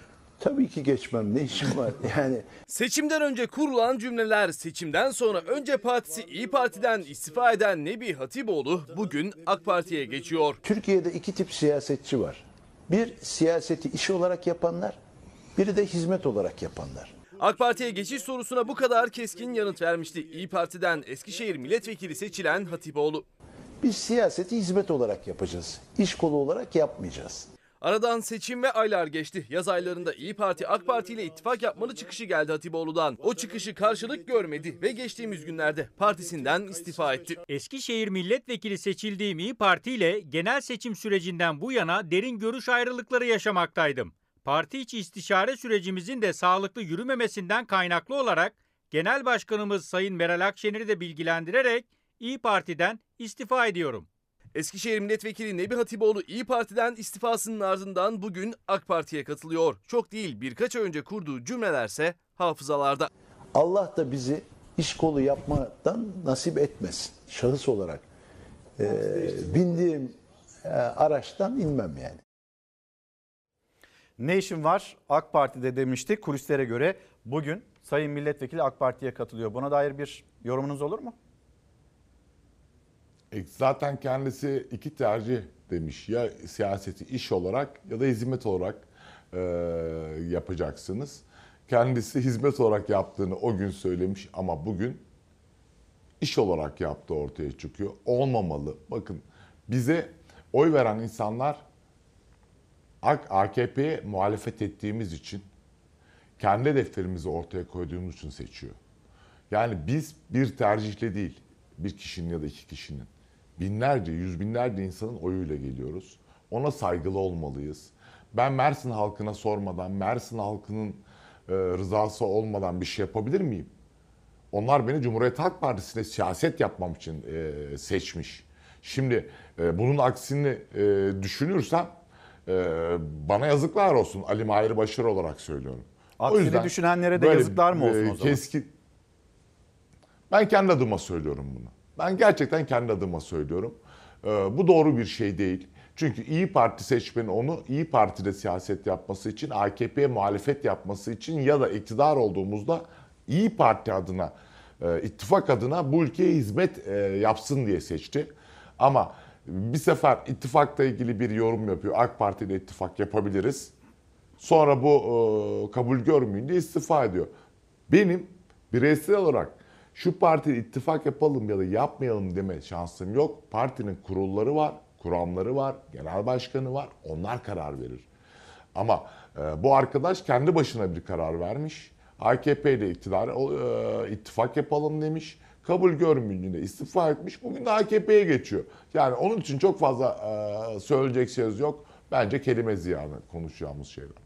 Ee, yeni bir sayfa Özgür Özel'le birlikte bu yeni sayfanın içinde yerel seçimler için işbirliği ne kadar mümkün? Cumhuriyet Halk Partisi için bu kapı ne kadar açık? Şimdi efendim bir basın toplantısında e, ben dedim ki e, kesin olarak e, İyi Parti 81 ilde aday çıkartıyor. E, ittifak bozuluyor. Gidene kal diyemeyiz. Giden gider dedim. Ama benim içimden geçen sağlıklı, adaletli bir ittifakla 2019 ruhuyla seçime gitmektir dedim basın toplantımda. Ama tabii ki giderlerse gitsinler o gün haber olmuştuk. Bugün de aynı noktadayım. 2019 ruhu önemli bir ruh. Birçok ilde büyük şehirde seçim kazandık ve bu belediye başkanları ne ülkeyi ne seçim bölgelerini ne de bizleri mahcup etti. Çok önemli işler yaptı. Çok doğru işler yaptı. Bugün Türkiye'nin en başarılı büyükşehir belediye başkanları bizim belediye başkanlarımız, il belediye başkanlarımız. Bu yüzden bu ruh bozulmamalı. Bu ruh tekrar gözden geçirilmeli bu kararlar. O yüzden e, tamam Meral Hanım gideceğim diyor. Ben kendisinin şahsına da çok saygı duyuyorum. Kendisini de çok severim. E, ama e, buna saygım var. Giderse tabii ki gidecektir. Ama yeni bir genel başkan, yeni bir yönetim, yeni hedefler var. Özgür Bey'le olan ben dostluğunu, ilişkilerini de çok iyi biliyorum. Türkiye için, geleceğimiz için e, bu makamlar kolay kazanılmadı. Bu mevkiler kolay kazanılmadı. Tekrar e, bir birliktelik şansı olabilir. Bu e, değerli genel başkanın yönetiminin takdiridir tabii ki. Bu görüşmeler yapılacaktır. E, ben en son kendisini Anıtkabir'de gördüm. 29 e, Ekim'de. Biraz sohbet ettik. Hatta kurultayımızı sordu. Biraz da bilgi verdim kendisine Meral Hanım'a. Gayet de samimi bir şekilde konuşur. Hatta yani bize, bana mesela şahsıma işte uyarır, takılır, şaka da yapar gördüğü zaman. O yüzden o gün ben kendisinin size. bir kez daha değerlendireceğini düşünüyorum. O gün de Ya çocukları mı? sorar, çocuklara takılır. Böyle ben böyle giderlerse gittiğim dediğimde böyle hafif bana omuzuma vurdu böyle kafasını salladı. Yapar yani Meral Hanım öyle birisi. Meral Hanım doğal birisi. Meral Hanım şey gibi aslında biraz da ben de kendimi benzetiyorum. Duygularını gizlemeyen birisi. Bu güzel bir şey. Yani aslında buna alışık olmalıyız. Siyasetçi niye duygularını gizlesin? Üzüldüğünü, sevindiğini belirtebilsin. Bunda ayıp bir şey yok. Ama konuya dönersek ben sağlıklı ittifakların, adaletli ittifakların, doğru ittifakların, doğru kodlanmış ittifakların Türkiye'de 2019'da olduğu gibi başarılı olacağına inanıyorum. Bunu tüm partiler bu süreçte CHP kurultayından sonra, Cumhuriyet Halk Partisi kurultayından sonra tekrar gözden geçirecektir. O zaman e, e, bugünkü buluşmamızın son başlığı olsun isterseniz. E, hem kardeşlik hukuku, Özgür Özel burada neyi kastediyor? Bir taraftan böyle İmamoğlu'yla Özel arasında bir tartışma yaşanır mı? Bu çok fazla da böyle konuşulsun isteniyor e, bir şekliyle. Sonra bir de sokaktaki bu değişimin sokakta yaratmış olduğu heyecan bununla tamamlayalım.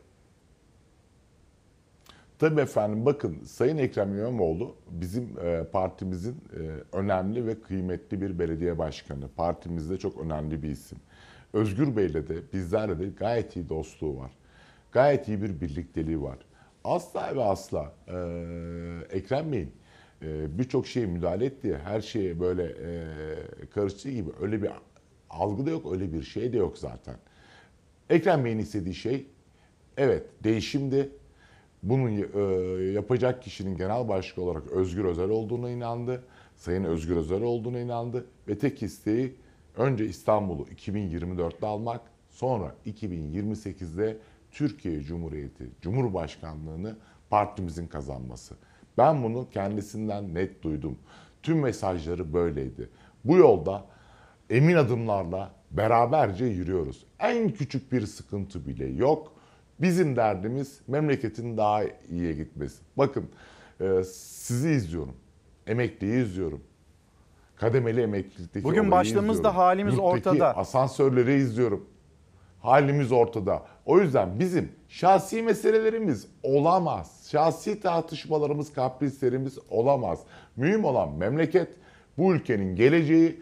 O yüzden Ekrem Bey de bizler de Sayın Genel Başkanımız da el ele verdik. Emin adımlarla yürüyoruz ve biz önce İstanbul başta olmak üzere yerel seçimleri sonra da 2028 ya da 2027 ya da 2026 inşallah erken olacak Cumhurbaşkanlığını kazanmak istiyoruz. Türkiye'nin buna ihtiyacı var. Bu kadrolarda bizde.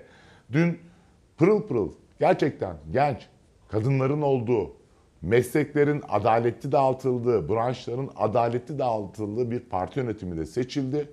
Umutluyuz, beraberiz, eee, güçlü bir şekilde ilerleyeceğiz diyorum. Ee, teşekkür ederiz. Cumhuriyet Halk Partisi'nin Grup Başkan Vekili Sayın Ali Mahir Başarır Çalar Saat'teydi. Bir kez daha teşekkür ediyorum efendim. Ee, yoğun bir koşuşturma içinde Ben de sabah erkenden efendim. geldiniz ve yayınımıza katıldınız. Soruları da yanıtladınız. Ben teşekkür ediyorum, saygılar sunuyorum. Tüm izleyicilerimize iyi bir sabah, iyi bir gün diliyorum. Çok sağ olun. Devam ediyoruz şimdi. Halimiz ortada. Pahalılıkla devam edeceğiz. Tarım kredi kooperatiflerine gideceğiz. Hani şöyle %50'lik bir indirim yapılacak. %50'ye varan indirim yapılacak denilmişti ya. Bugün Sözcü gazetesinin ilk sayfasında dün zaten bu haberin hemen böyle sıcağı sıcağına hazırlayıp ekranlarınıza getirmiştik. Şimdi bir de rakamlara bakalım. %50'ye varan indirim yapılacak denildi. Kuruş kuruş indi. Lira lira nasıl zam geldi Tarım Kredi Kooperatifinde? Fiyatlar vallahi durduğu yerde durmuyor. Her geldiğimde fiyatlar değişiyor. Bunu 42 lira benim 49 lira olmuş. Nedir o? Yoğurt mesela. Ne zaman almıştınız? 4-5 gün önce. Bir gün önce aldım tereyağını. Geldim fiyatlar artmış. Peyniri aldım geldim tekrar gene artmış. Hani indirim? Yani hiçbir indirim indirim yok. İşletmelerimizi yapacakları indirimlerle, enflasyonla ve hayat pahalılığıyla mücadelemize destek vermeye davet ediyorum. Eğer ki devlet bunu söylüyorsa denetlemesini de bir zahmet yapsın da insanlar biraz nefes alsın yani gerçekten boğuluyoruz. Cumhurbaşkanı Erdoğan'ın çağrısının ardından Tarım Kredi Kooperatif marketlerinde 16 Ekim'de temel gıda ürünlerinde %50 indirim yapılacağı duyurulmuştu. Vaat edilen o indirim yapılmadığı gibi %10'un üstünde zam geldi fiyatlara. Zeytinyağı 309 liraydı 350 liraya çıktı. Beyaz peynir 114 liradan 127 lira 50 kuruşa, un 69 lira 90 kuruştan 73 lira 90 kuruşa, süt ise 20 lira 90 kuruştan 23 lira 50 kuruşa yükseldi. Gerçekten yani reklamını yapıyorlar ama boşu boşuna yapıyorlar. Geçen peynir 99 liraydı şimdi 129 lira yazıyor üzerine. Aynı gram aynı peynir. 40'tan 50'ye çıkmış fasulye. İndirim diye bir şey var mı Türkiye'de? Öyle bir şey yok. Tarım Kredi Kooperatif marketlerinde temel gıda ürünlerinde %50 indirim yapılacağı duyurulmuş sözü verilen indirim yapılmamıştı. Üstüne bir de zam geldi. 16 Ekim tarihinde 2 litresi 309 liraya satılan zeytinyağı %13 zamlandı. Fiyatı 350 liraya çıktı. Tereyağının arttı, zeytinyağının arttı. Yani peynirin arttı. Yani alamayacak duruma getiriyorlar insanları. Yani indirim var diyor. Her gün değişiyor. Her gün dakika başı dolarla euro gibi, altın gibi. Artık bıktı millet ya. Vallahi bıktı. 16 Ekim'de indirim gelen nadir ürünlerdendi makarna. 15 liradan 14 lira 50 kuruşa inmişti fiyatı. O %3'lük indirimden de artık eser yok. 50 kuruş o indirim mi? İndirim yapılıyormuş gibi gösteriliyor. Ertesi gün geliyorsun 15 lira. Tek indirim makarnaya gelmişti. Fiyatı 15 liradan 14 lira 50 kuruşa düşmüştü.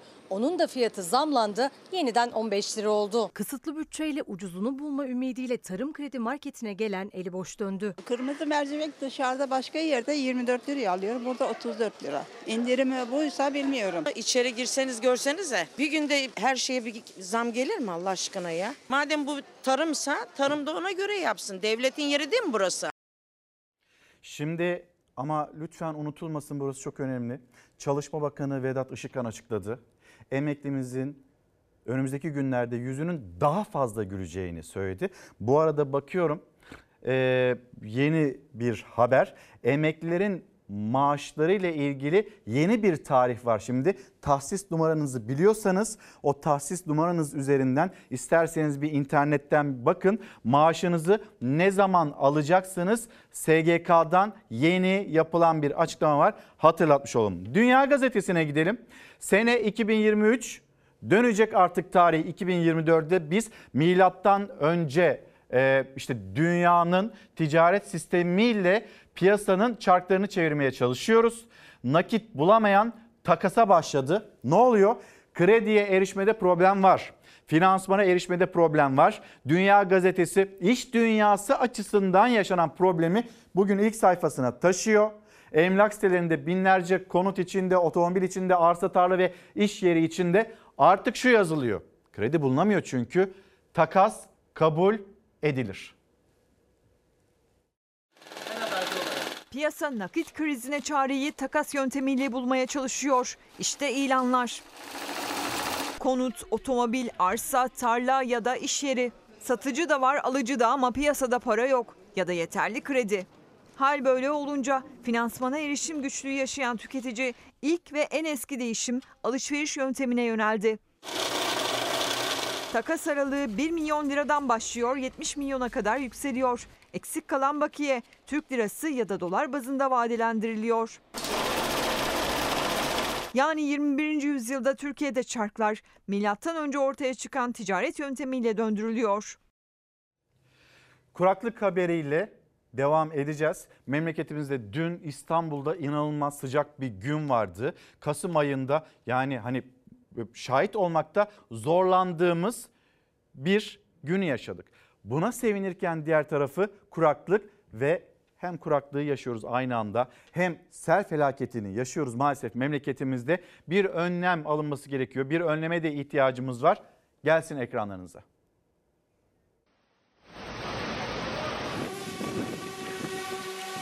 Bu şekilde giderse barajlarımız artık kuruma noktasına geliyor yavaş yavaş.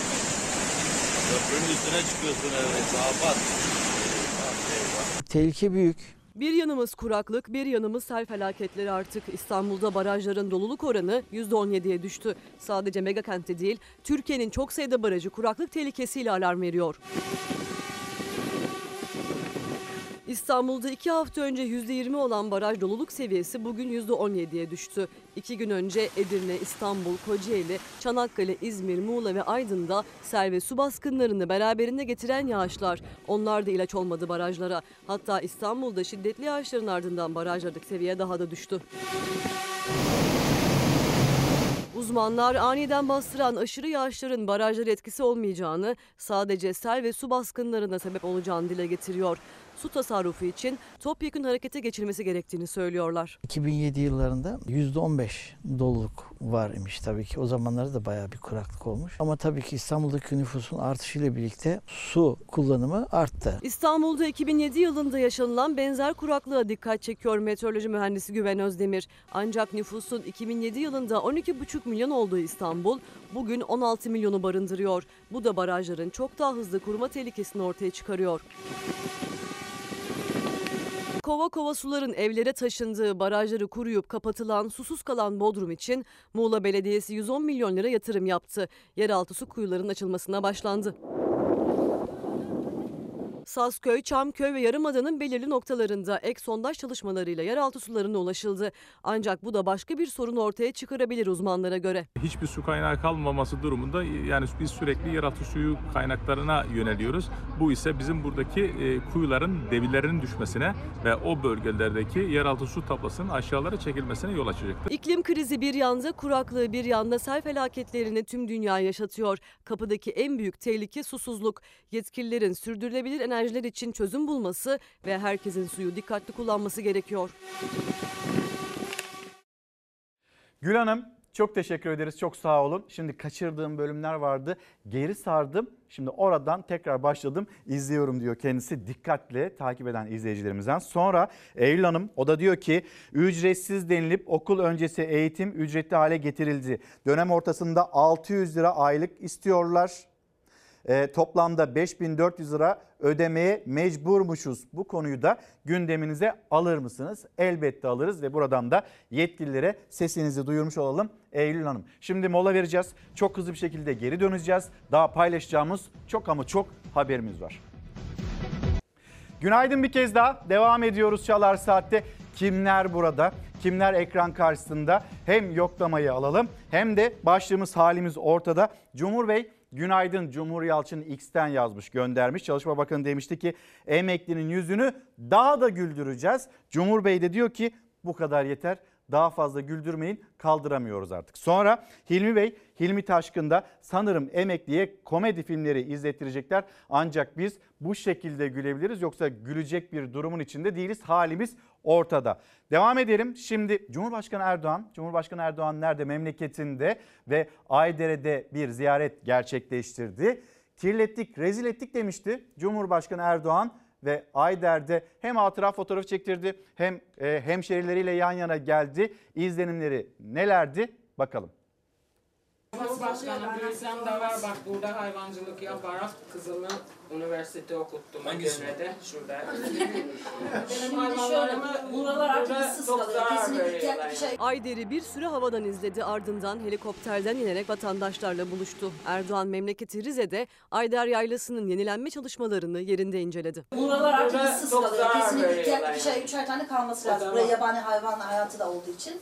Ömür bize bırakıyoruz buralar, onlara emanet. Rize programının son gününde Güneysu ilçesinden Ayder Yaylası'na ulaştı Erdoğan. Önce bir otelde bölgedeki çalışmalarla ilgili yetkililerden bilgi aldı. Ardından vatandaşlarla buluştu. Şu andaki Ayder bizim temsilimiz olamaz. Allah'ın bize verdiği Ayder bambaşka ama biz Ayder'i kirlettik, rezil ettik. Betonlaşan görüntüsüyle büyük tepki toplayan Ayder Yaylası'nın haline Erdoğan da bu sözleri sarf etmişti. Eski güzelliğine kavuşturacağız diyerek söz vermişti. O çalışmaları yerinde inceledi. Sizden tek ricamız şu anda kapitizamızın yaza yetişmesi.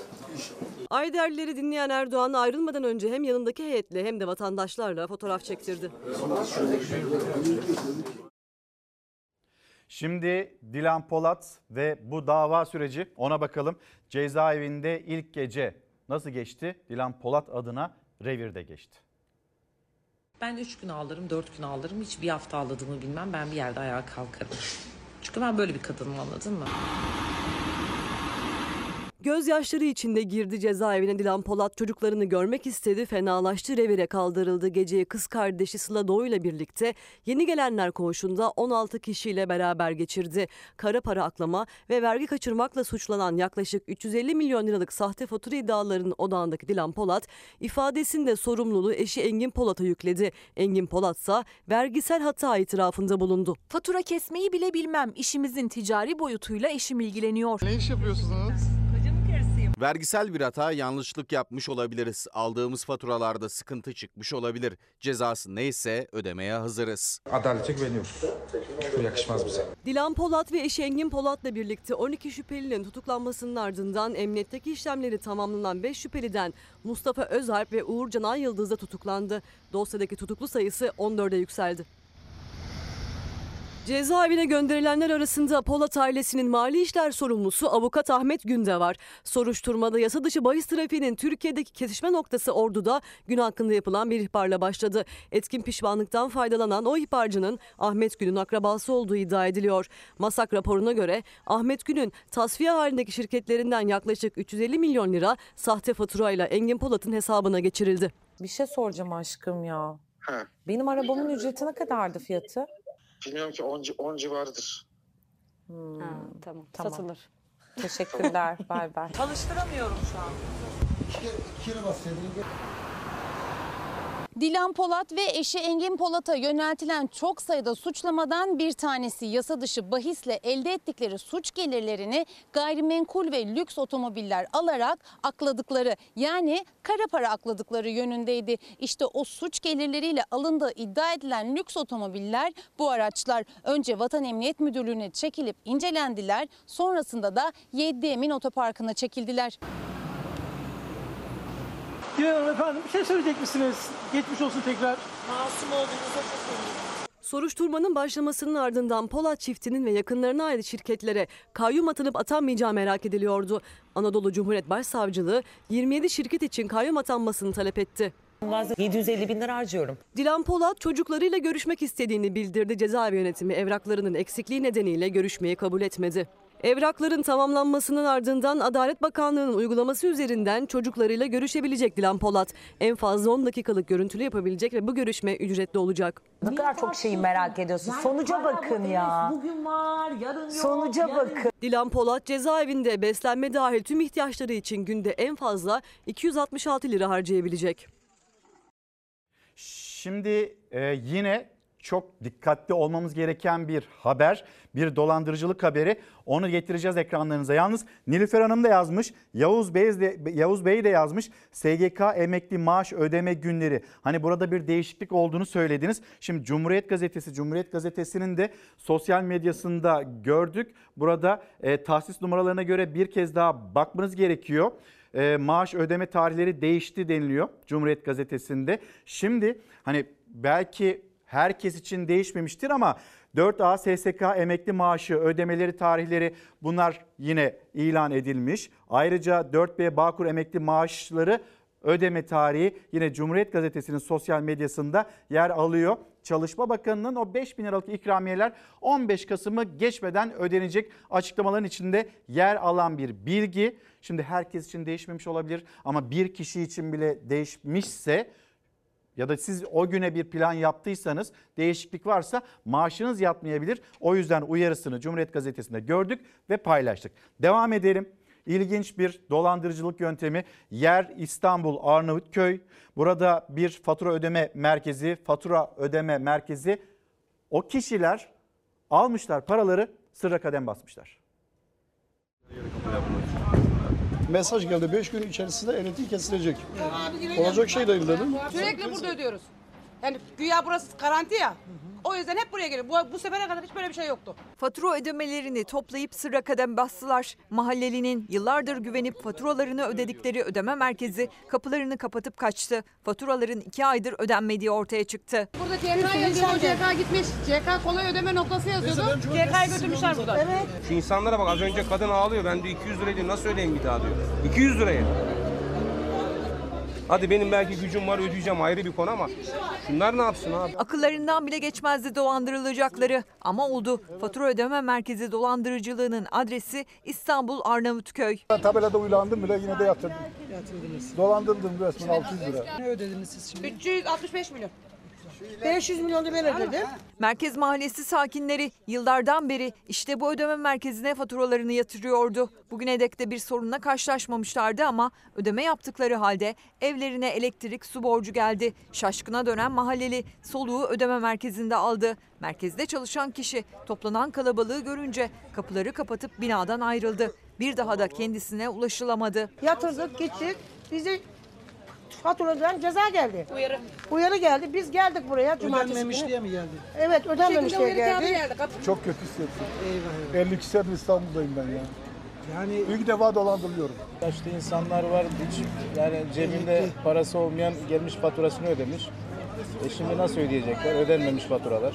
Mağdur vatandaşlar faturaların ödeme merkezinin el değiştirdiği tarihten bu yana iki aydır ödenmediğini fark etti. Polise giderek şikayetçi oldular. Türkiye burası her şey oluyor. Her an her şey. Bir bakmışsın yukarıdan kalas düşmüş ölmüşsün. Dolandırıldık işte abi buyurun. Ha. Buyur abi. Hayırlı tıraşla. Şimdi bir haber daha Türkiye'nin dikkatle takip ettiği bir davaydı ve e, o davayla ilgili Cem Garipoğlu'nun mezarının açılması talebi var. Bunu hem Garipoğlu ailesi istiyor hem de Karabulut ailesi. Toplumun %98'i Cem'in kaçırıldığını, ölmediğini düşünüyor. E bu kamu vicdanı rahatsızsa adaleti tecelli ettirmek, maddi gerçeği ortaya çıkarmak kimin görevi? Başsavcılık ve yargılama makamlarının. Liseli Münevver Karabulut'u vahşice öldürdü Cem Garipoğlu. Cezaevinde canına kıydığı söylendi, toprağa verildi. Ancak cinayetten sonra da ailesinin yardımıyla kaçan Cem Garipoğlu'nun cezaevinden de kaçırıldığı iddiaları gündemden hiç düşmedi. Münevver Karabulut'un ailesi mezarının açılmasını istedi defalarca reddedildi. Bu kez aynı talep Cem Garipoğlu'nun babasından geldi. Nida Garipoğlu savcılığa DNA testi için başvuruda bulundu. Mezara başka birini koyma ihtimalleri var mı? Bu zaten makul ve meşru soru işaretlerinden bir tanesi bu. Mezar taşında adı yazıyor ama gerçekten de Karacaahmet'teki bu mezarda Münevver Karabulut'un katili Cem Garipoğlu yatıyor mu? İşte bu soru tartışma konusuydu. Bu kez mezarın açılması için istek Cem Garipoğlu'nun babası Nida Garipoğlu'ndan geldi. Nida Garipoğlu oğlunun mezarı için Fethi Kabir istedi. 3 Mart 2009'da henüz 17 yaşındayken Cem Garipoğlu tarafından İstanbul Bahçeşehir'deki villada vahşice öldürüldü Münevver Karabulut. Türkiye bu korkunç cinayetle sarsıldı. Kınalı kuzumu aldılar. Cinayetin ardından kaçtı Cem Garipoğlu. 197 günün sonunda polise teslim oldu, cezaevine girdi. 24 yıl hapse mahkum edilmişken 10 Ekim 2014'te cezaevinde canına kıydı. Şimdi bilemiyorum yani çok karanlık karanlık ilişkiler var yani. Başta acılı baba Süreyya Karabulut'un olmak üzere akıllardaki soru işaretleri hiç dinmedi. Münevver Karabulut'un ailesi Cem Garipoğlu'nun mezarının açılmasını istedi ama her defasında kabul görmedi. Cinayetin işlendiği koltuğun üzerinde mutlu aile fotoğrafı. Oynanan bilgisayar oyunlarında bile Cem Garipoğlu isimli bir kullanıcının olması da geldiğimiz aşamada zaten ailede acaba ölmedi, kaçırıldı gibi bir algı vardı. Bu kez talep Cem Garipoğlu'nun babasından geldi. Silivri Cumhuriyet Başsavcılığı mezarın açılması talebini kabul ederse şüpheler aydınlanacak. Palmiyelerle örtülü Cem Garipoğlu'nun mezarı açılarak kemik numuneleri alınacak ve o numuneler Adli Tıp Kurumu'na gidecek. Adli Tıp Kurumu'nda DNA eşleşmesi yapılarak bu mezarda yatan kişinin gerçekten Cem Garipoğlu olup olmadığı işte o raporla ortaya çıkacak. Gözler başsavcılığın vereceği kararda. İnanın bu davanın seyri arka bahçesi aydınlığa çıkacaktır. Ee, belediye taşeron işçileri onlar kadroya geçecekti. Ne olur unutmayın gündemde tutun diye mesajlar geliyor. Bizler de aktarmış olalım. Şimdi birkaç haber var. Onları da ekranlarınıza getireceğiz. Ee, Deva Partisi Genel Başkanı Ali Babacan'ın e, acı günü bugün. E, Ali Babacan'ın babası Hilmi Babacan yaşlılığa bağlı kronik hastalıkları nedeniyle bir süredir Ankara'da tedavi görüyordu ve maalesef e, o hastanede yaşama gözlerini yumdu. Hilmi Babacan, Ali Babacan için zor bir gün, acı bir gün. Allah rahmet eylesin. Başsağlığı dileklerimizi iletmiş olalım. Sonra yeni günün haberlerinden belki de seyahate çıkacak olanlar vardır. Ankara yönüne Bolu Dağı tüneli e, uzunca süren o tadilatın ya da bakımın ardından bugün açılıyor. E, Ankara İstanbul yönünde açıktı zaten. Şimdi İstanbul Ankara yönünde de açılacak bunun bilgisi. Ayrıca bir ilginç haber daha var. O da Memleket Partisi'nin Hatay'daki il başkanlığı bir konteyner orada e, çalışmalarını mesailerini bu şekilde konteynerda devam ettiriyordu Memleket Partililer. Şimdi o konteynerin çalındığı bilgisini yine oradan paylaşıyor. E, hem depremzedeler hem de böyle bir durumun içinde kalmışlar. Hatırlatalım. Deprem bölgesinde olalım yine. Depremzedeler için ne kadar tehlikeli bir durum.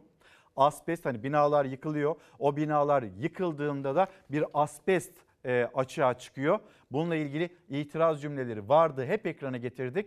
Yine o tehlikeye dikkat çekelim.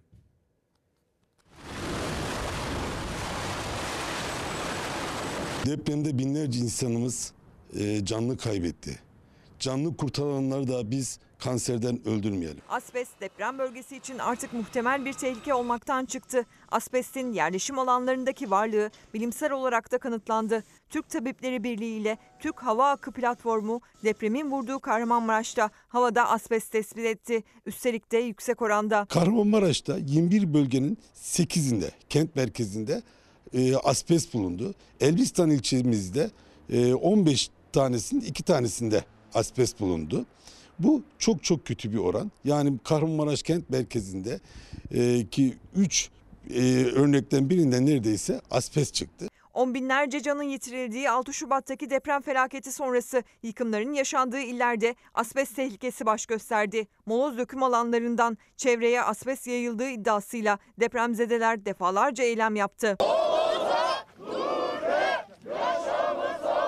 Asbest dediğimiz gibi insanlardan uzak olması gereken e, bir kanser etkeni.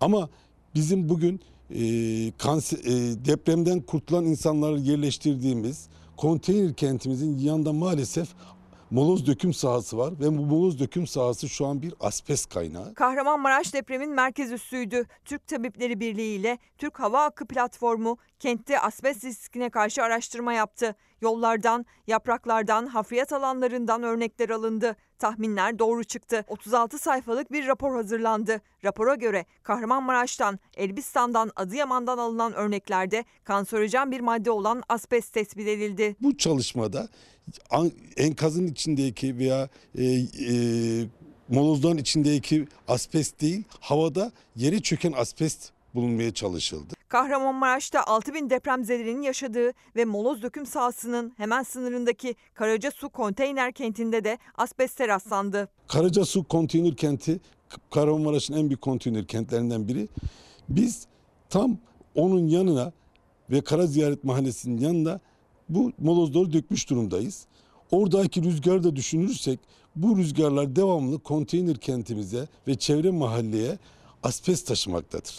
Kahramanmaraş Tabip Odası Başkanı Doktor Lütfi Tiyekli depremzedeler kansere yakalanmadan önce asbeste karşı acil önlem alınmasını istedi. Kahramanmaraş'ta asbest yaşamaya mahkum edilmemelidir. Kahramanmaraş'ın da temiz hava solma hakkı vardır. Ee, Mehmet Bey günaydınlar. Bizler de sizlere hayırlı sabahlar diyelim. Sonra Doğan Gülyüz diyor ki madeni 2,5 lira yetmez 10 lira basmak gerekir. Hatta kağıt banknotta da 1000 lirayı görmemiz gerekiyor. E, alım gücü düştü. Yani cebinizde bir tomar parayla geziyorsunuz. Paranız var zannediyorsunuz. Bir şey almaya kalktığınızda elde hiçbir şey kalmıyor. Sonra Nuray Hanım selamlar. Halimiz ortada. Neyi bekliyorlar hala çok merak ediyorum. Sanırım asgari ücret kadar maaş emekli için en düşük emekli maaşı böyle olacak. Hani çalışmalar böyleymiş diye bir mesaj paylaşmış bizimle. Asgari ücretin 16 bin lira olabileceği söyleniyor. Ama 7500 lira en düşük emekli maaşı 7500 lira bu seviyeye getirilir mi? %100'lük bir zam olur mu? İşte onu göreceğiz hep birlikte. Memleketinizdeki insanlara küçük sürprizler yapın. Köşemizde var ya işte o sürprizi Çalışma Bakanı yaptı. Emeklileri daha da güldüreceğiz diye o açıklaması var. Devam edelim. Şimdi e, memleketimizde insanlar onlar böyle geleceklerinden çocuklarda, bebeklerde, emeklilerde, işçilerde, asgari ücretlerde öyle bir kaygı duymuyorlar diye bir çıkışı vardı, cümlesi vardı Cumhurbaşkanı'nın. Ne olacak halimiz endişesi var mı ülkemizde maalesef var. Türkiye'de her bebek 45.528 lira borçla doğuyor. Artık bu ülkede doğmamış çocuğundan pirifani mertebesindeki yaşlısına kadar hiç kimse ne olacak halim endişesi taşımıyor. Taşıyor. Yanlış. Herkes taşıyor bence. Hele çocuklar özellikle daha fazla taşıyor diye düşünüyorum. Bütün gençlerin dilinde halimiz ne olacak diye herkes düşünüyor açıkçası. Cumhurbaşkanı Erdoğan hiç kimse ne olacak halim endişesi taşımıyor dedi ama o endişeyi taşımayan yok. Özellikle de ekonomik olarak herkes borçlu, devlet de borçlu. Türkiye'de her bebek 45.528 lira borçla doğuyor. Eksiden başlıyorlar yani değil mi? Benim, benim bu çocuğum doğdu mesela eksiden eksi 45 binden başlamasının bir mantığı var mı yani sonuçta? Kamunun hem iç borçları hem dış borçları toplam 6 trilyon lirayı aşmış durumda. 2.28 trilyon lira varlığı var. Yani bütün varlıklarını elden çıkarsa kamu 3.88 trilyon lira kadar borcu kalıyor. Şimdi bu borç hepimizin borcu. Yeni doğan bebek de bu borç yüküyle başlıyor hayata. Kamunun yaklaşık 4 trilyon liralık borcu nüfusa bölündüğünde kişi başına 45.528 lira borç düşüyor. Bu geçen senenin neredeyse iki katı. 2022 yılında bu tutar 23.154 liraymış. 2023 yılına geldiğimiz zaman bugün yeni doğan bir bebek 45.528 lira borçla başlıyor hayata. Bütün kredi kartı, kredi mevduat hesapları, krediler, özel şirketlerin iç ve dış borçları, bankaların iç ve dış borçlarıyla beraber hesaplandığı zaman bu tutar 1 milyon liranın üzerine çıkar. Türkiye'de günümüz koşullarında dünyaya gelen bir bebek 45 bin liranın üzerinde bir borçla dünyaya gözlerini açıyor. Masraflar doğduktan sonra da katlanıyor. Ebeveynlerin karşılamakta en çok zorlandığı şeyler aslında bebek bezi, bebek maması gibi en temel ihtiyaçlar. Masraflar ondan daha fazla da bir giysi alıyorsunuz mesela en ucuzu 200-250 lira. Alıyorsunuz 2 ay sonra olmuyor. Tekrar yenilemek zorundasınız. Bezli deseniz aylık 1000 lira, 1500 liraya yakın bir bez masrafı var. Onun kardeşi de var. Şu an bir yaşında. Ee, bir sene boyunca mama aldık ve mamalar 250 lira. Ayda 4 milyar para yapıyordu sadece maması. Bazı ülkelerde kamunun toplam varlığı borcunu aşıyor ve aslında yeni doğan bebekler borçla değil bir varlıkla hayata başlamış oluyor. Geleceğe daha güvenle bakıyorlar. Aileler de çocukları adına daha az endişeli oluyor. Türkiye'de ise çocuk büyüyor bu kez iş bulma kaygısı başlıyor. Çalışırken maaşlar yetmiyor. Emekli olunca da öyle. Ne olacak halim endişesi hiç bitmiyor. Çocuklarımın geleceği için ister istemez endişe ediyoruz. Çünkü önümüzü göremiyoruz. Efendim bugün birlikte konuştuğumuz, tartıştığımız konuların başında hastanelerden randevu almakta yaşamış olduğumuz problemler geliyor. Belki de ekran karşısına yeni geçtiniz. Sağlığınızla ilgili önemli bir durum. Sağlık Bakanlığı'na yine buradan bizim bir çağrımız olsun. 14 ay sonraya endoskopi e, için randevu verilir mi? Eğer burada bir bilgisayar hatası yoksa, bir yazım hatası yoksa işte karşımızdaki durum bu. 23 Ocak 2025 tarihine verilmiş olan bir endoskopi randevusu. Ama sizlerden de çokça mesaj geldi.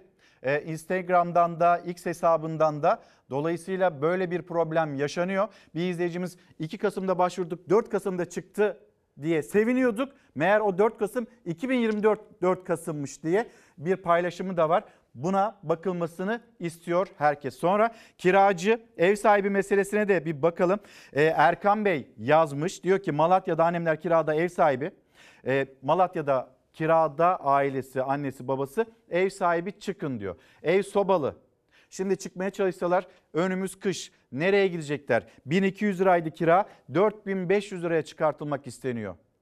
Ya da bir başka yerden ev baktığınızda biraz daha böyle hani sobalı değil de kaloriferli olsun dediğinizde en az onu 12 bin liradan söz ediliyor. Ne yapacağız biz? Ben asgari ücretliyim aileme nasıl destek olacağım diye bir mesaj. Bunu da konuşalım. Ev sahibi kiracılar arasında yaşanan problemler yine memleketin en önemli gündem maddelerinden birisi. Başlığımız halimiz ortada.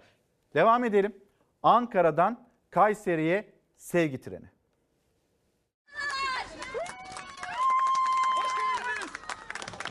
Ankara'dan yola çıkan LÖSEV sevgi treni Kayseri'ye ulaştı. Lösemi tedavisi gören çocuklar tren garında böyle karşılandı.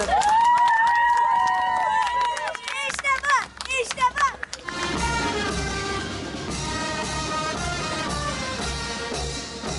bu. 2-8 Kasım Lösemili Çocuklar Haftası kapsamında lösemi hastalığıyla mücadele eden 30 çocuk Ankara'dan trene bindirildi. LÖSEV sevgi treni yaklaşık 7 saatte Kayseri Garı'na vardı. Otelde. Onlar için bir eğlence düzenledik. Hep beraber oraya gideceğiz. Çocuklarımız için bu akşam güzel etkinliklerimiz var, sürprizlerimiz var. Ankaralı çocukları kendileri gibi lösemi tedavisi gören Kayserili çocuklar ve LÖSEV görevlileri karşıladı. Karşılamaya bando takımı da eşlik etti. Çocuklar daha sonra eğlence için otele geçti. E, Kayseri olarak e, böyle bir etkinliğe ev sahipliği yapmanın mutluluğunu ve gururunu yaşıyoruz. E, onlar sağlıklı, mutlu, huzurlu bir şekilde hayatlarına devam etsinler diye tedaviden sonra hayata tekrar güzelce bağlansınlar, özgüvenlerini tekrar kazansınlar diye yaptığımız etkinlikler. Edirne'de de LÖSEV tarafından Lösemili Çocuklar Haftası dolayısıyla farkındalık yürüyüşü düzenlendi. Yürüyüşe öğrenciler ve protokol üyeleri lösemiyi sembolize eden turuncu renkte giysiler ve balonlarla katıldı. LÖSEV 25 senedir lösemili ve kanserli çocuklar ile ailelerine ve kanser hastalarına tedavi, eğitim hizmetleri sağlamakta.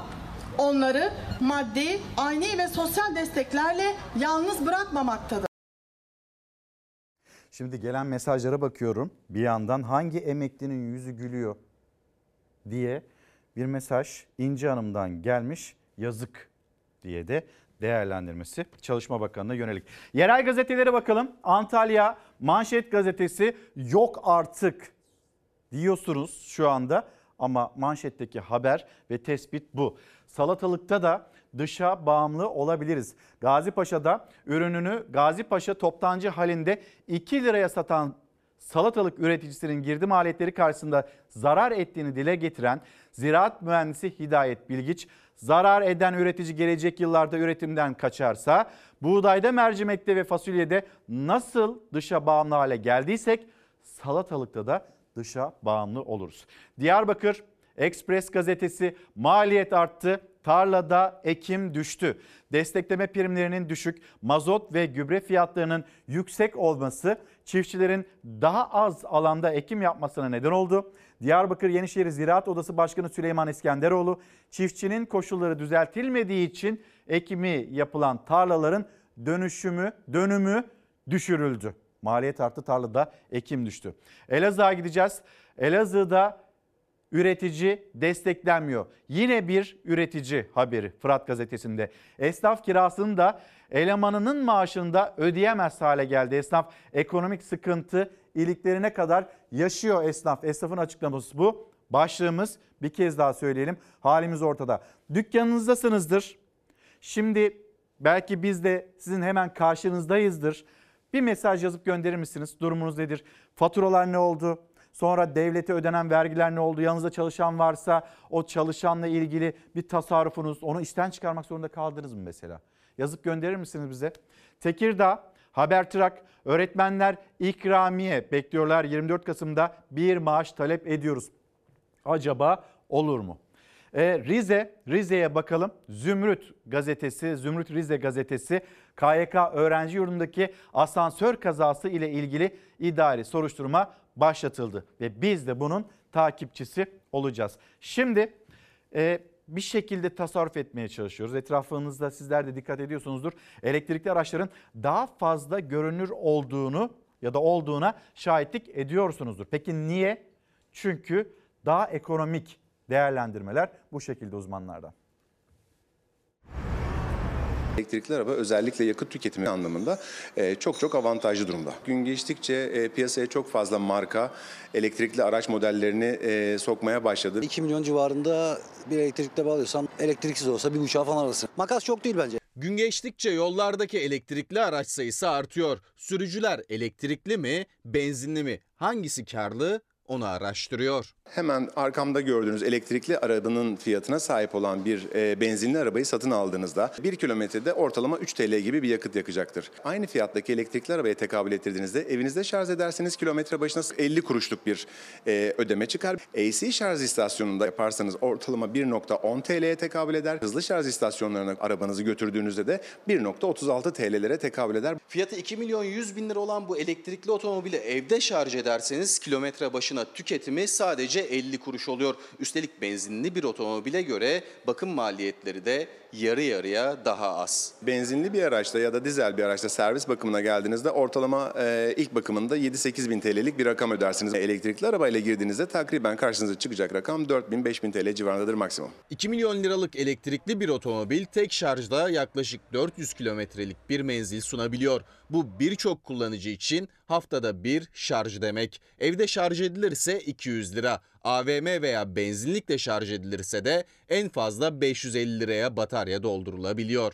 Şarj süreleri de her geçen gün kısalıyor. 30 dakikada bile tam şarj artık mümkün. Günlük 20 kilometre git 20 kilometre geli baz aldığınızda 40 kilometrelik bir harcayışınız var. Hadi bunun adına 50 diyelim. 250 kilometre 5 günde harcayacağınız bir mesafedir. E, bu da sadece herhangi bir gün uğrayacağınız bir AVM'de ya da benzinlikte halledebileceğiniz bir süreçtir. Otoparkınızda o sistem varsa akşam geldiniz aracı park ettiniz sabah şarjınız hazır. O zaman bir sorun yaşamazsınız. Ne kadar kötü kullanırsanız kullanın o bataryayı bir elektrikli aracın kapasitesini %100'den ancak %95'lere çekebilirsiniz ki bu da çok uzun seneler sonunda olabilecek şeyler. Batarya ömrü gelişen teknolojiyle birlikte sorun olmaktan çıkıyor.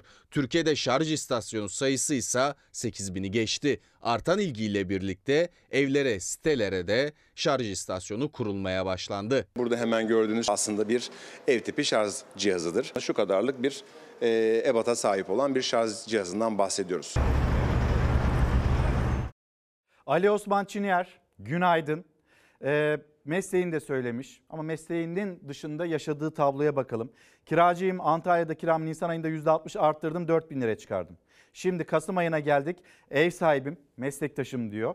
Ee, yani ben ne alıyorsam kendisi de o kadar alıyor. Bizim yaşam standartımızı ya da eve giren parayı kendisi çok iyi biliyor. O 4000 lirayı %320 arttırarak 12 bin lira yapmak istiyor. Peki vicdan diye sormuş halimiz ortada ama hiç üzülmeyin Ee, Ali Osman Bey. Niye? Çünkü cümleler öyle gülüyoruz daha da güleceğiz. Hatta bakarsınız 7500 lira olan emekli maaşı çok daha yukarılara gelir. Çalışma Bakanı öyle söylüyor. Emekli daha fazla gülecek diyor.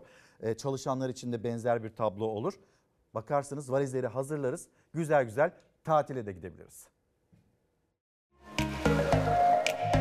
Çocuklu ailelerde hani animasyonların olduğu bölgelere gitmek istiyorlar. Yeni moda Miami'den ağırlıklı kalkan içinde her türlü animasyonun olduğu gemiler var çocuklar için. İşte kaydıraklar, zipline'lar, e, tırmanmalar, her şey her şey işte gece animasyonları. Okullarda ara tatil yaklaşırken tatil için harcamadan kaçmayan aileler hem kendilerinin hem de çocuklarının rahat tatil yapabilmesi için lüks gemi tatillerini tercih ediyor. İçinde her türlü konfor ve eğlencenin olduğu gemi turlarında deniz görmeyen iç kabinlerde tatil. Kişi başı bir hafta 1390 dolar. Kaptan Köşkü hizasındaki manzaralı kabinlerse 17 bin doları yani 483 bin lirayı buluyor. 4 kişilik bir aile için bu tatilin maliyeti 2 milyon lira demek. Ancak lüksün sınırı yok. Harcamada limit tanımayanlar Maldivler'de ada kiralıyor. Bir ada kiraladık. Hakikaten herhalde Türkiye'de çok sağlam bir ev alınırdı ailesiyle beraber. kiraladı. Kaç lira günlüğü? Çok büyük rakam. Küçük bir adayı kiraladı ailesiyle beraber. Öyle iyi bir semtte iyi bir ev parası Yani ödedi. 5-6 milyon herhalde bir haftalık tatil. Çıkalım 10 milyon.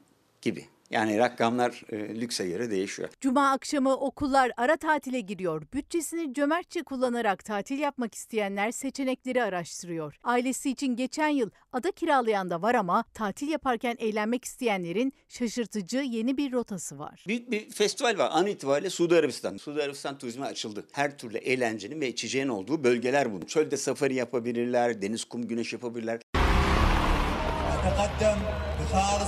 Lüks tatilin yeni adreslerinden biri Suudi Arabistan. Ülkede 4 ay sürecek olan festival tatili cazip hale getiriyor. Maldivler eskisi kadar popüler olmasa da burayı da cazip hale getiren bir adanın tek kişi tarafından kiralanabiliyor olması. Maldivler ailesiyle baş başa tatil yapmak isteyenlerin ada kiralayabileceği bir bölge. Ancak lüks tatil için artık Pasifik'teki adalar tercih edilmeye başlandı. Hawaii biraz daha hareketli bir bölge. Amerikalıların çok tercih ettiği bir bölgedir. Bora Bora Maldivlerin Amerika versiyonu. Zanzibar'ın özelliği nedir? Üst seviye, üst segmentteki otellerin çoğunda kendinize ait havuzunuz ve kendinize ait aşçınız var. Egzotik adalarda kişi başı bir haftalık tatil en az 7 bin dolar yani günlüğü 1000 dolardan başlıyor. 4 kişilik ailenin bir hafta tatil için en az 30 bin doları yani 850 bin lirayı gözden çıkarması gerekiyor. Yine bir molaya giderken usta gazetecilere ödüller. Gündemse basın özgürlüğü. Üç günde e, üç gözaltı, dört soruşturma, bir tutuklama. Bu geçen hafta sekiz meslektaşımızın başına gelenler. Ve bu ödülü hapisteki arkadaşlarım. Duayen gazeteci Yalçın Doğan gibi yıllarını bu mesleğe adayan usta isimler Burhan Felek Basın Hizmetleri ödüllerini aldı. Türkiye Gazeteciler Cemiyeti'nin düzenlediği ödül töreninde gündem basın özgürlüğüydü. Bu ödülü alırken içim buruk. Son yıllarda basın, medya yozlaştırılırken gerçek gazetecilerin susturulmak istendiği bir dönemi yaşıyoruz. İçinde bulunduğumuz yıl 21 gazetecinin tutuklandığı, son olarak köşe yazarı Tolga Şardan'ın tutuklandığı yıl oldu. Burhan Felek Basın Hizmet Ödülü meslekte 50 yılını doldurmuş, 70 yaşından gün geçirmiş Türkiye Gazeteciler Cemiyeti üyeleri arasından seçilen gazetecilere veriliyor. Ödüller 40. kez sahiplerini buldu. Türk basınının anıt ismi Burhan Felek adını taşıyan bu ödülü almaktan gerçekten çok mutluyum, çok gururluyum. 1983 yılından bu yana düzenlenen Burhan Felek Basın Hizmet Ödülleri bu yıl 20 gazeteciye verildi. Genç bir gazeteciyken üniversiteden de hocamız rahmetli Burhan Felek'in elinden haber birinciliği ödülü almıştım. Şimdi onun adına konulan bu değerli ödülü almaktan çok büyük onur duyuyorum. Sevgili hocamız bana ödül verirken aferin demişti.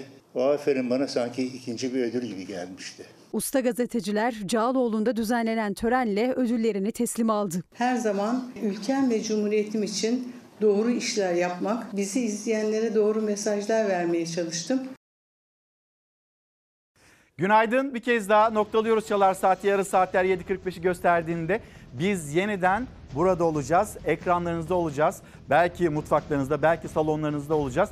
Memleketin, dünyanın, sizin, bizim gündemimizi konuşabilmek adına. Ve kapatırken her zamanki gibi teşekkürüm sizlere. Bizi izlediğiniz için teşekkür ederiz. Güzel bir gün olsun. Yarın sabah görüşürüz. Dileğimiz de bu. Hoşçakalın.